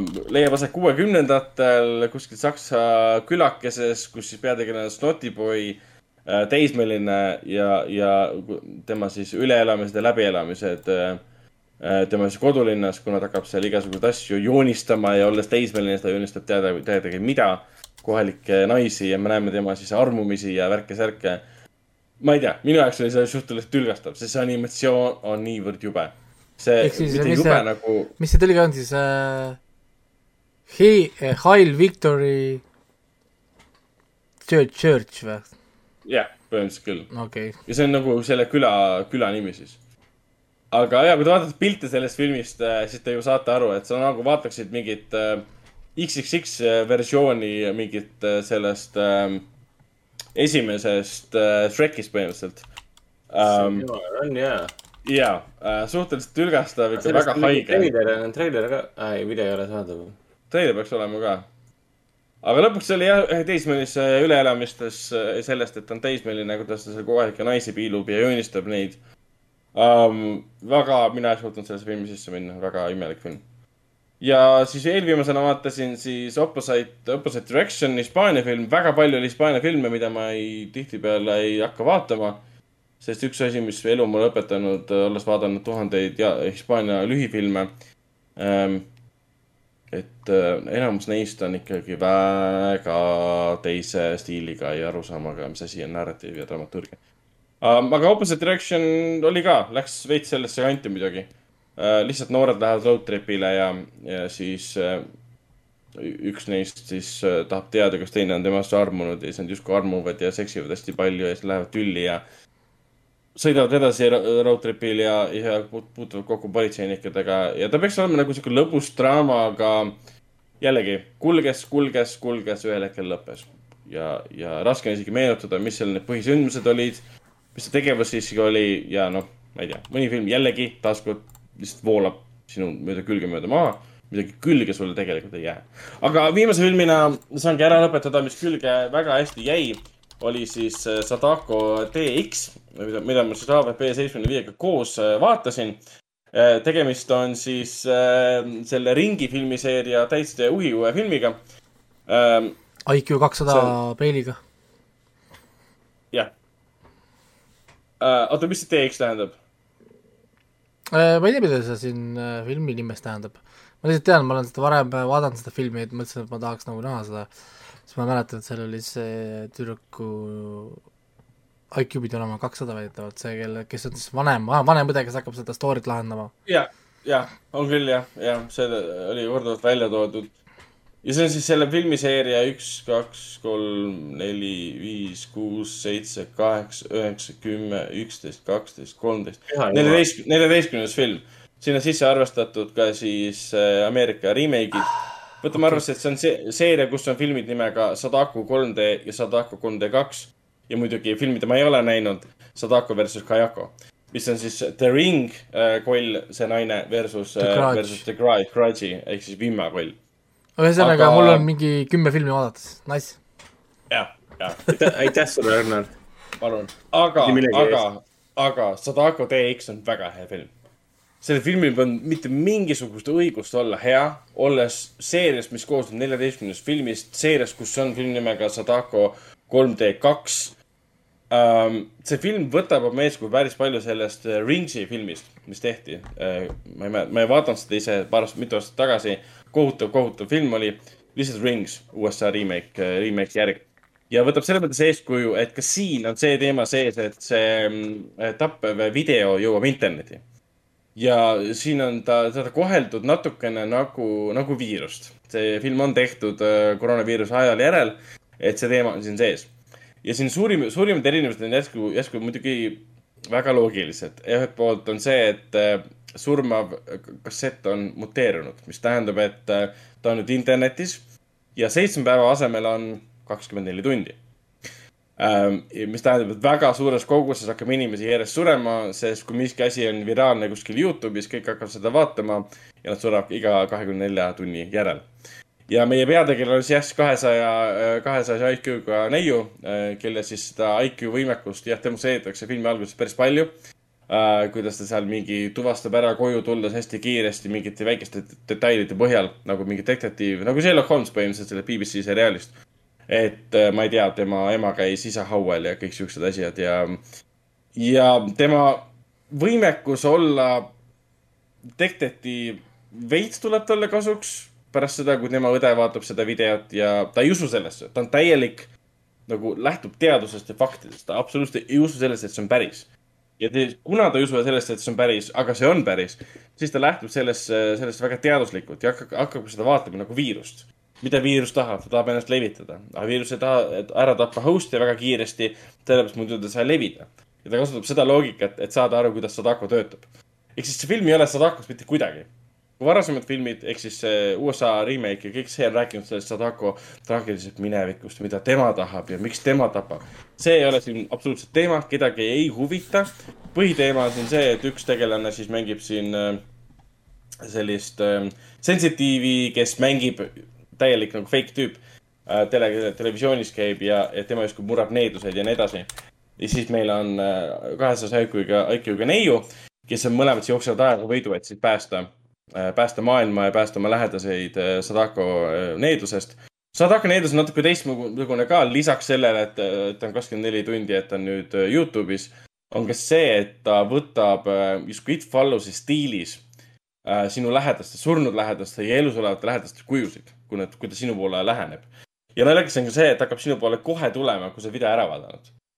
ja see on ka päris suur muutus, mida varasemates filmides mina vähemalt ei tea, et oleks olnud ja kui sa vaatad videot videos lihtsalt, tegelikult see video ei ole üldse see, mida mina mäletan, et oleks. video on lihtsalt sellest, kuidas äh, kaamera on kaevus, käsi hakkab kaevust siis tõusma ja tuleb üle kaevu ääre, viskab justkui kaamera maha ja me näeme, et see video, see, see videopilt asub seal, kus inimese, inimene seda parasjagu vaatas.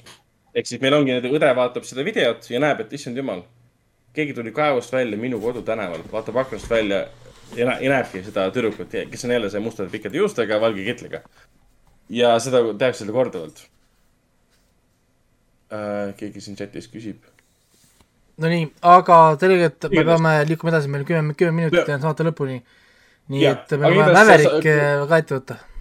kui Sadako kuskil lõpuks välja tuleb, ta ametlikult ei ole väljas, hinnata teda ei saa INDB-s, siis äh, Sadako DX on väga hea film, millel polnud jällegi taaskord mitte mingisugust õigust olla, et Niina Arvas ehk muutunud seerias hea film aga AVP on näinud Sadako versus Kajako filmi, ma ja sain tema jutust aru, et selle peab ära vaatama. okei okay,, et meil on nüüd kuus minutit jäänud saate lõpuni, nii et siis äh, sellel nädalal alustas siin miski muu kui Top Gun Maverick, et meil on aega kuus minutit.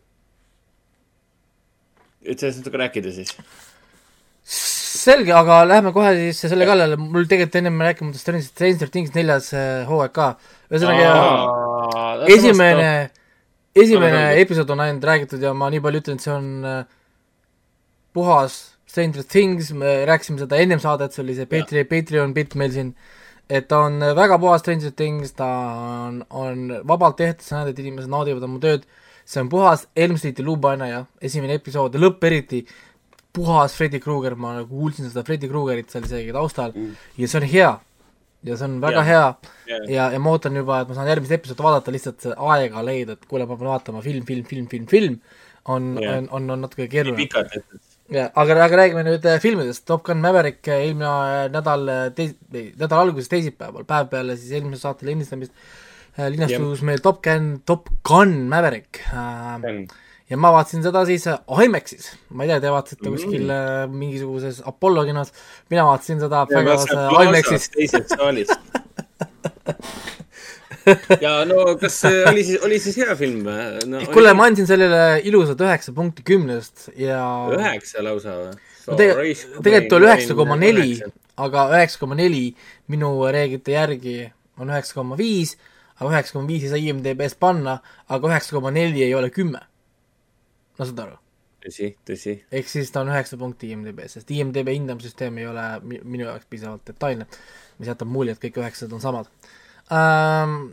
et siis jah, selles mõttes, et Kosinski ikkagist lavastajana tegi niisuguse mõnusa armastuskirja sellele esimesele Top Gunile, et ta kopeeris isegi stseene üks-ühele, soundtrack'i oli, oli toodud äh, üle, sorry yeah., film algab Danger Zone'iga, mida sa nagu yeah..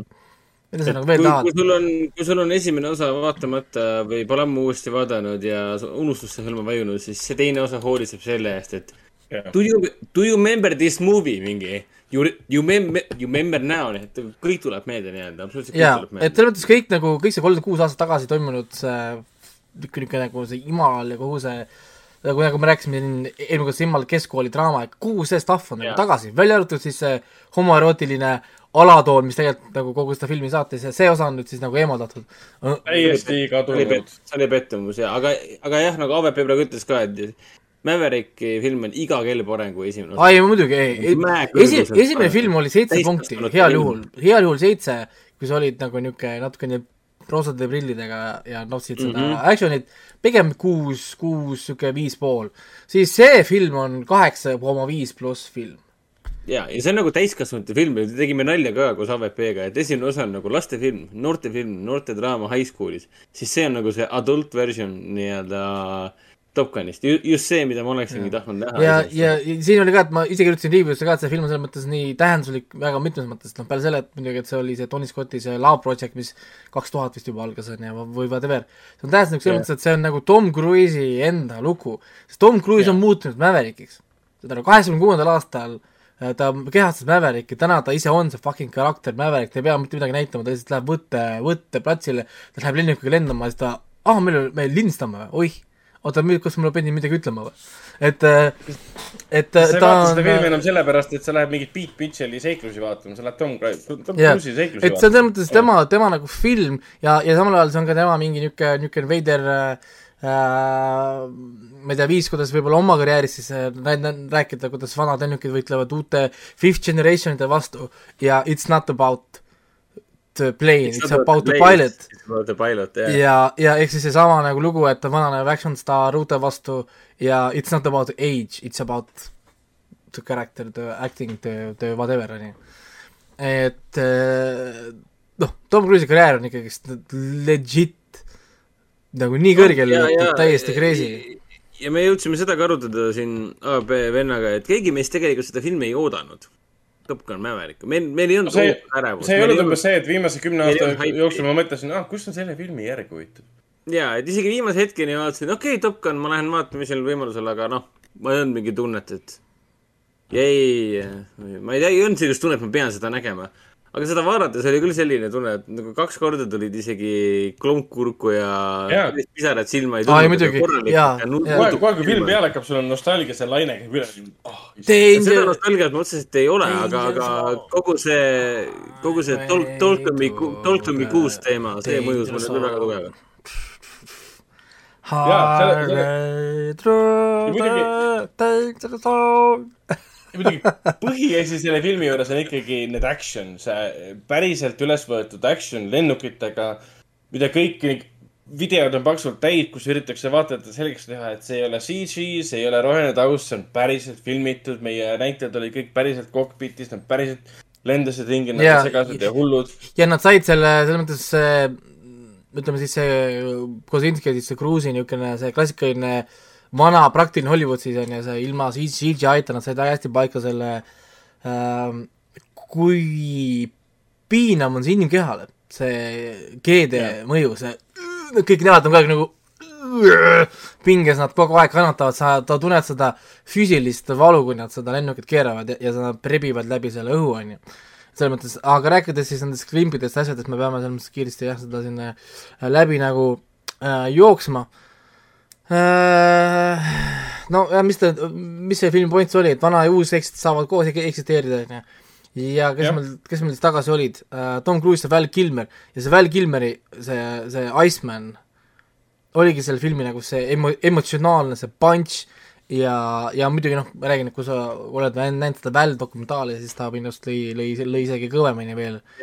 Kui- kui- kui nagu tut-, tuttav tema elu, elulooga praegu. no tema tervisega oled kursis, nad ikka väga läksid see oli sisse nii, see sellega. oli nii väärikas ja nii maitsekas, kuidas ja nad seda ei, ei mulle üldse see pilt, kuidas see Val Kilmer vaatab seda Tom Cruise'i, ta on nagu vanaisa, kes lihtsalt äh, teab, et tal on taskus komme, ta kohe, kohe, kohe annab sulle kommi, et teha tuju paremaks, vaata.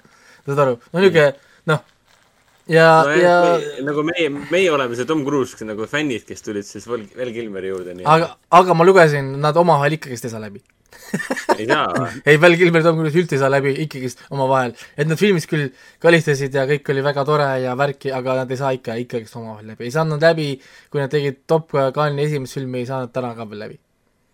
nii et, nii et see on äh, okei okay., käib asja juurde ega. nad ei peagi saama selles mõttes läbi, see ei ole kuidagi äh, nõue, et nad peaksid näitlejatena või noh, päris inimestena nagu koos saama hakkama.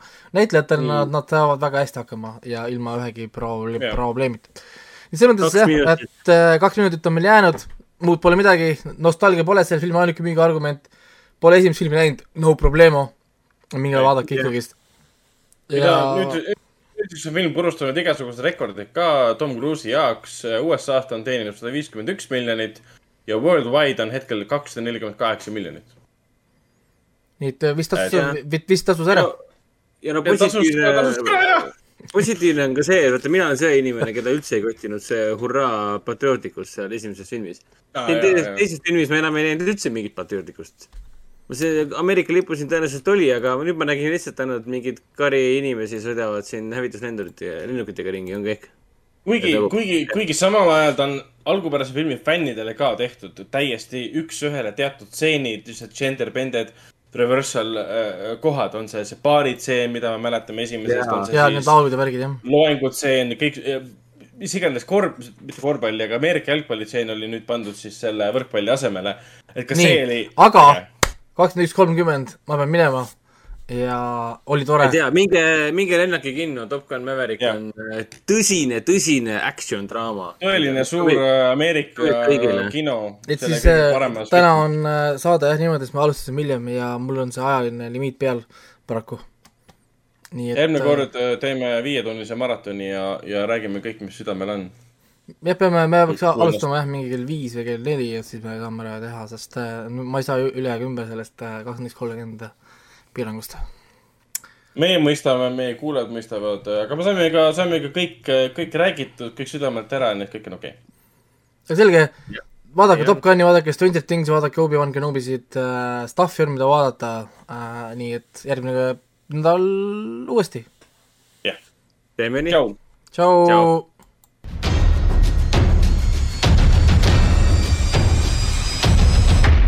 Kinoveebi Jututuba podcasti toob teieni Foorum Cinemas